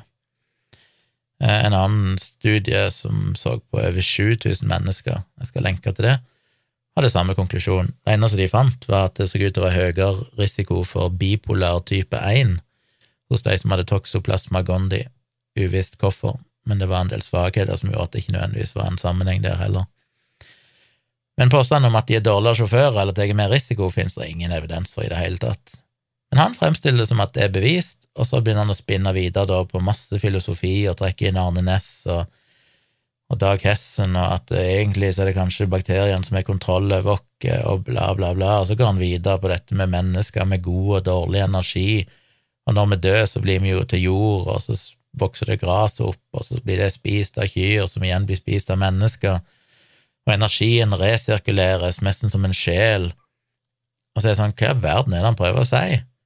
Ja, jeg er helt enig i at det er selvfølgelig fascinerende at vi er jo alle del av et evig kretsløp, men prøver han virkelig å si at han begynner å snakke om mennesker med god og dårlig energi, altså folk du møter som tapper deg for energi, mens andre kanskje gir deg energi. Og så mener han jo at cellene er jo energi. Og det er jo riktig, all masse er energi, ifølge Einstein. Det vet vi jo. Men det å da si at Å, å likestille ideen om energi som et sånn rent fysisk fenomen, er lik MC annen, til det med å ha god energi i møte med et annet menneske, og så trekker det inn i en sånn livssyklus at du da kanskje spiser energien til andre mennesker, og nei, gudene vet hva han prøver å si. Det er altså bare så hinsides tåpelig at uh, Og det, det er bare en, ting er at det er dumt, det han sier, men det store problemet er at han sier det på en måte som er sånn han er så utrolig genial som har tenkt på dette, og han er så nysgjerrig og filosofisk av seg, og nei, dette er sånn han liker å tenke på, og dette burde kanskje andre jo tenke mer på, og så er det jo bare bullshit, det han sier. Det er jo bare basert på at han ikke har lest forskningen skikkelig, at han har cherrypicka en annen studie som han har sett på Facebook, uten å sjekke om det egentlig er støtte for det, om det finnes studier som motsier det, og så spinner han noen ville teorier der han misbruker energikonsepter og immunforsvar og Nei, det er bare deprimerende. Jeg skal ikke si mer om det. Nå har jeg ranta i gudene vet hvor lenge om eh, denne nissen. Men det var bare 20 minutter av en podkast med Wolfgang V, og han klarte å presse inn så mye feil. I nesten hver setning så klarer han å påstå et eller annet som er bare svada. Og dette har jo da 10 000 seere på YouTube, og gudene vet hvor mange som hører på podkasten. Det er bare deprimerende at det er sånn verden er. Du lager en podkast der du intervjuer folk som får sitte og rante uimotsagt om all slags mulig piss, og så elsker folk det. Dette er jo basically I fucking love science og alt som er dårlig her i verden. Så jeg sier bare, som jeg har sagt mange ganger før, ikke hør på Wolfgang V. Det gjør deg dummer. Eh, slutt med det. Bruk tida di på andre podkaster. Hint, hint. Til slutt, veldig fort, jeg kan ikke bruke mye tid på det, men jeg fikk en mail som jeg bare vil kommentere, for jeg ble nysgjerrig. Det er Karoline som har sendt en mail om en ny studie som har sett på eh, kunstig søtningsmidler igjen. Det evige tema. Der en eh, stor studie har sett på helseregister. Det er en sånn studie der de har hatt eh, et eller annet webbasert skjema der folk kan rapportere inn. Det har blitt gjort over mange år, starta vel i 2009 i Frankrike. Mer enn 100 000 mennesker som har rapportert alt mulig om helsa si og hva de spiser og alt mulig sånn. Og så er det noen forskere som har gått gjennom det og sett på dette og meint at de finner at de som rapporterer at de har inntatt mest eh, drikke, er det vel primært, med kunstige søtningsmidler, spesielt aspartam og acesulfam K, ser ut til å ha var det 13 høyere risiko for en eller annen krefttype. Eh, så konklusjonen der, og en del aviser og skrifter som er kommet i kjølvannet av det, sier da at eh, dette tyder på at kunstig kunstige søtningsmidler øker risikoen for kreft. Men det er jo så mye feil med dette at det er vanskelig å vite hvor en skal begynne. Den store, store, store problemet, som jo er det samme problemet som det er med nesten alle studier som handler om ernæring, og ikke minst aspartam og sånn, er at det er igjen da ikke kan vise noen kausal sammenheng, og at det er basert på selvrapportering. Dette er folk som da skal rapportere med ujevne mellomrom hva de har spist siste uke, for eksempel, videre. Det er notorisk upålitelig, det vet vi. Erik Arnesen har skrevet om det òg, spesielt når det gjelder usunn mat og sukker, hvordan vi har en tendens til å underrapportere inntaket vårt dramatisk av det som er usunt, fordi vi vet innerst inne at det er ikke så bra, og vi lurer oss sjøl når vi skal svare på sånne skjema. Eh, allerede der så vil jo en sånn studie som dette falle helt i grus, for da er det vanskelig å finne forskjell på risikoen ved sukker versus risikoen ved kunstige søtningsmidler. De erkjenner jo det i studien òg, at det er mange svakheter. Ikke minst er det jo det vi snakket om òg mange ganger før, dette her med residual effects, at eh, de som drikker brus med kunstige søtningsmidler, kanskje er folk som har slitt mye med overvekt, og har valgt å bytte til da sukkerfri brus. Eh, det er ofte et problem når de ser på studier som sier at sukkerfri brus gjør deg eh, tydeligvis eh, tjukkere, eller du får høyere BMI. I realiteten er jo det fordi at folk som er overvektige, gjerne da velger nei, sukkerfri brus i et håp om å gå ned i vekt. Det er ikke den sukker, sukkerfrie brusen som gjør at de er overvektige. Og det kan, eh, kan jeg vanskelig korrigere for her heller. Eh, og ettersom vi vet at eksempel mye sukker og fedme øker risikoen for kreft, eh, usunn livsstil generelt sett, så er det vanskelig å vite om dette er mennesker som i utgangspunktet har økt kreftrisikoen sin gjennom et usunt liv tidligere, og så er de bytta til da aspartamholdig drikke, Cola siro og sånt. og så ender de opp med å få kreft, og så er det aspartamen som får skylda, selv om det egentlig er det livet de levde før de bytta til sukkerfri brus, som egentlig er problemet. Et annet problem er at det bærer preg av p-hacking. Og p-hacking er jo kort forklart det at hvis du bare tester mange nok ting, så vil statistisk sett en av de sannsynligvis være positiv, eller ha et eller annet interessant signal. Nå vil jeg virkelig miste stemmen her. Eh, og her er det jo testa, så vidt jeg så, i en Reddit-tråd som jeg skal linke til, som hadde mye god kritikk av den studien. 26 forskjellige faktorer. Og sånn forenkla, da, hvis du har en P-verdi på 0,05, så kan en si at uh, er ca. 1 Hvis du gjennomfører eh, en studie 20 ganger, så vil kanskje en av de tilfeldigvis bli positiv gjennom ren tilfeldighet. Eller hvis du er en studie der du tester 20 ting, så er det statistisk sannsynlig at en av de tingene vil slå ut positivt gjennom ren tilfeldighet. Så har de tydeligvis testa veldig mye forskjellig, og ikke så veldig overraskende så finner de at et eller annet gir et signal, for eksempel at aspartam ser ut til å øke risikoen for kreft litt, eller enkelte krefttyper. Det kan bare være en ren statistisk tilfeldighet fordi de har testa så mange ting at noe kanskje slår ut. Måten å eliminere risikoen for det på, som noen mener, det er jo at du tar like mange ting du tester, og multipliserer da denne her eh, cutoff-verdien med, og da ender du opp på var det en som hadde regnet ut 0,0 istedenfor 0,05, som eh, Denne cutoff-grensa for P-verdien, så ender du opp på 0,001 eller noe sånt, og ut ifra det så er det ingen av resultatene i studien som er statistisk signifikante. I tillegg så er det jo hårfint. Risikoen ved aspartam var vel 0, nei, var vel 1,03 til 1,25 eller noe sånt, med et gjennomsnitt på 1,13 eller median, eller hvordan de regner ut det. Men 1,03, altså hadde det kommet under 1, så betyr det at uh, usikkerhetsmarginen strekker seg utover der du ikke lenger vet om dette er tilfeldig, at det er ikke statistisk signifikant lenger. Her var det 1,03. Det er hårfint over.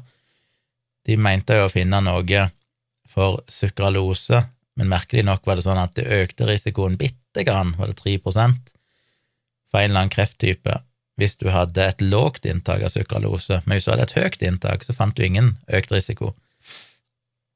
Som heller ikke gir noe mening eh, med tanke på doserespons. Normalt så skal du forvente at jo høyere dose du får i deg, jo større er risikoen. Her var det motsatt. Jo høyere du fikk i deg, jo mindre var risikoen. Og de 3 prosentene var jo fra 1,01 opp til 1, et eller annet. Eh, så bare hårfint statistisk signifikant og så forklarer de det med at de kanskje ville funnet en større effekt av sukralose hvis de hadde hatt mer data, men det er så lite som inneholder sukralose sammenlignet med aspartam, at det var vanskelig å finne noen effekt på det. Men bare det å si det, at forskerne sier det, eh, får det jo til å høres ut som at de egentlig var på jakt etter å finne noe. Altså, og, og, hvorfor skulle det gi mening? Det er ingen logikk egentlig at selv om aspartam, la ikke si det var sånn at aspartam økte kreftrisikoen, Hvorfor i all verden skulle sukralose nødvendigvis gjøre det? Det virker som at de antar at hvis ett kunstig søtningsstoff har en eller annen risiko, så må òg de andre ha det, som da for meg høres ut som de er en eller annen form for bias mot kunstig søtningsmiddel i utgangspunktet. Um, ja, det er så mye å, å, ta av her. En annen ting er jo det at det er rart at uh, de har sett på mange forskjellige krefttyper, det var ikke så mye forskjell på risikoen på mange av de, som òg virker rart, ettersom kreft er veldig forskjellige typer sykdommer. Eh, mer enn 200 forskjellige typer sykdommer som vi kaller for kreft. Så hvorfor skulle eventuelt aspartam øke risikoen omtrent like mye for mange forskjellige krefttyper? Virker jo veldig rart. Ja, det er mye kritikk av denne studien. Kanskje viktigste, to viktigste kritikkene er jo én. Det var gjennomført store systematiske litteraturgjennomganger på dette tidligere, som har konkludert med at en finner ingen økt risiko for blant annet kreft eller noen andre helseproblemer ved bruk av aspartam. Men det slutter jo aldri, det er jo alltid en eller annen ny studie som skal vise dette, som de plukker ifra hverandre, for det viser seg at det er dårlig. Eh, det virker bare som at det er en måte folk vil eh, få oppmerksomhet på ved å gjennomføre en sånn studie, selv om det egentlig er å piske en død hest. Det er jo ikke noe annet tilsetningsstoff eller næringsmiddel som er mer gjennomstudert enn aspartam over de siste 40 årene, iallfall. Det er trygt, det øker ikke risikoen for kreft, Eh, vi, trenger ikke flere av disse studiene. Men det skaper overskrifter, folk blir redde, selvfølgelig, og så glemmer en at ja, men det er gjennomført et utall av sånne studier tidligere der en ikke har funnet noen sammenheng, hvis en ser på de samla data. Så det er lite sannsynlig for at dette skulle være noe. Et annet problem er jo at selv om risikoen skulle øke med 13 så er det jo fortsatt krefttyper som er relativt sjeldne, sånn at den reelle risikoen er jo veldig låg for den jevne forbruker. Det er en liten økning av noe som allerede er veldig sjeldent betyr jo ikke at plutselig dette er veldig farlig å drikke. Igjen det vi snakket om forskjellen på risk og harm i en tidligere episode. Eh, og så er det jo det største problemet av alt, er at disse studiene som alltid skal vise at aspartam og sånn er farlig, hvis de får folk til å heller drikke sukkerholdig brus, så øker de jo risikoen veldig mye mer. Det er jo det jeg kaller for det falske nullpunktet, den ideen om at hvis du bare fokuserer på ett problem, og tror at hvis du eliminerer det problemet, så er risiko borte. Men så glemmer en det at hvis du eliminerer det problemet, så må du erstatte det med noe annet, og hva er risikoen ved det? Og det er ofte veldig mye høyere.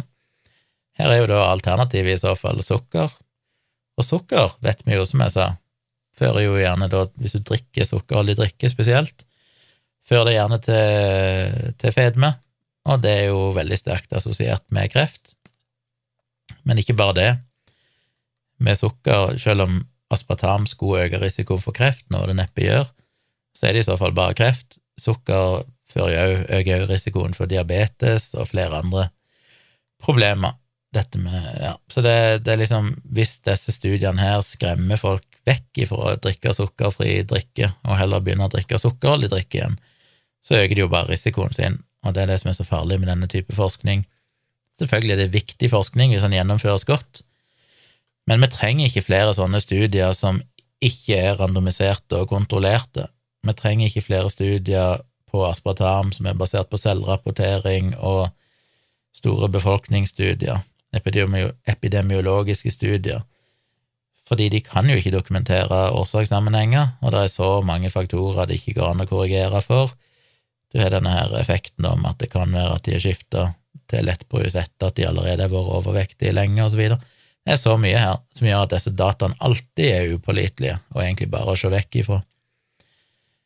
Så ja, ikke noe å la seg skremme hvis dere skulle lese noe om den studien. Jeg skal lenke, som sagt, til, til ting. Det blir mye lenke, tror jeg, i denne shownoten her til denne podkasten, fordi jeg hadde mye kilder på alt det jeg snakker om. Eh, jeg vet ikke om det er vitsig, jeg vet ikke om noen av dere klikker på dem noen gang. Det kan jeg godt gjerne høre om. Ja, det er vanskelig, for de, de, tre som klikker på linken, kommer til å sende meg mail og si 'jo, ha med linkene, vi klikker på dem', mens ingen andre gjør det. Alltid litt stress å legge inn linker og sånn, men jeg, jeg, skal gjøre det, i tilfelle dere har noe Iallfall de viktigste. Det er mange linker jeg har brukt som jeg ikke gidder å lenke til, men jeg skal legge inn de viktigste som gir litt oversikt over det jeg snakker om. Det ble en lang episode. Jesus. Jeg må bli ferdig med dette. Um, prøv å få til en livestream i kveld, tirsdag 26. Eh, april. Jeg skal senere i dag ut og ta bilder på en restaurant i Kristiansand. Blir spennende. Kanskje jeg skal ta med meg noe lys da, og teste ut det. Men uh, join meg gjerne i livestreamen klokka 11 i kveld. Og så kan dere maile meg på tompratpodkast at gmail.com. Stikk innom patronen min, støtt meg gjerne der på patron.com slash tjomli. Det setter jeg veldig pris på. Da får dere jo denne episoden reklamefri, og litt før alle andre. Uh, slitsomt, nesten to timer. Takk for at du har hørt på så langt, og så er jeg nok tilbake igjen på fredag med en ny episode. Vi snakkes.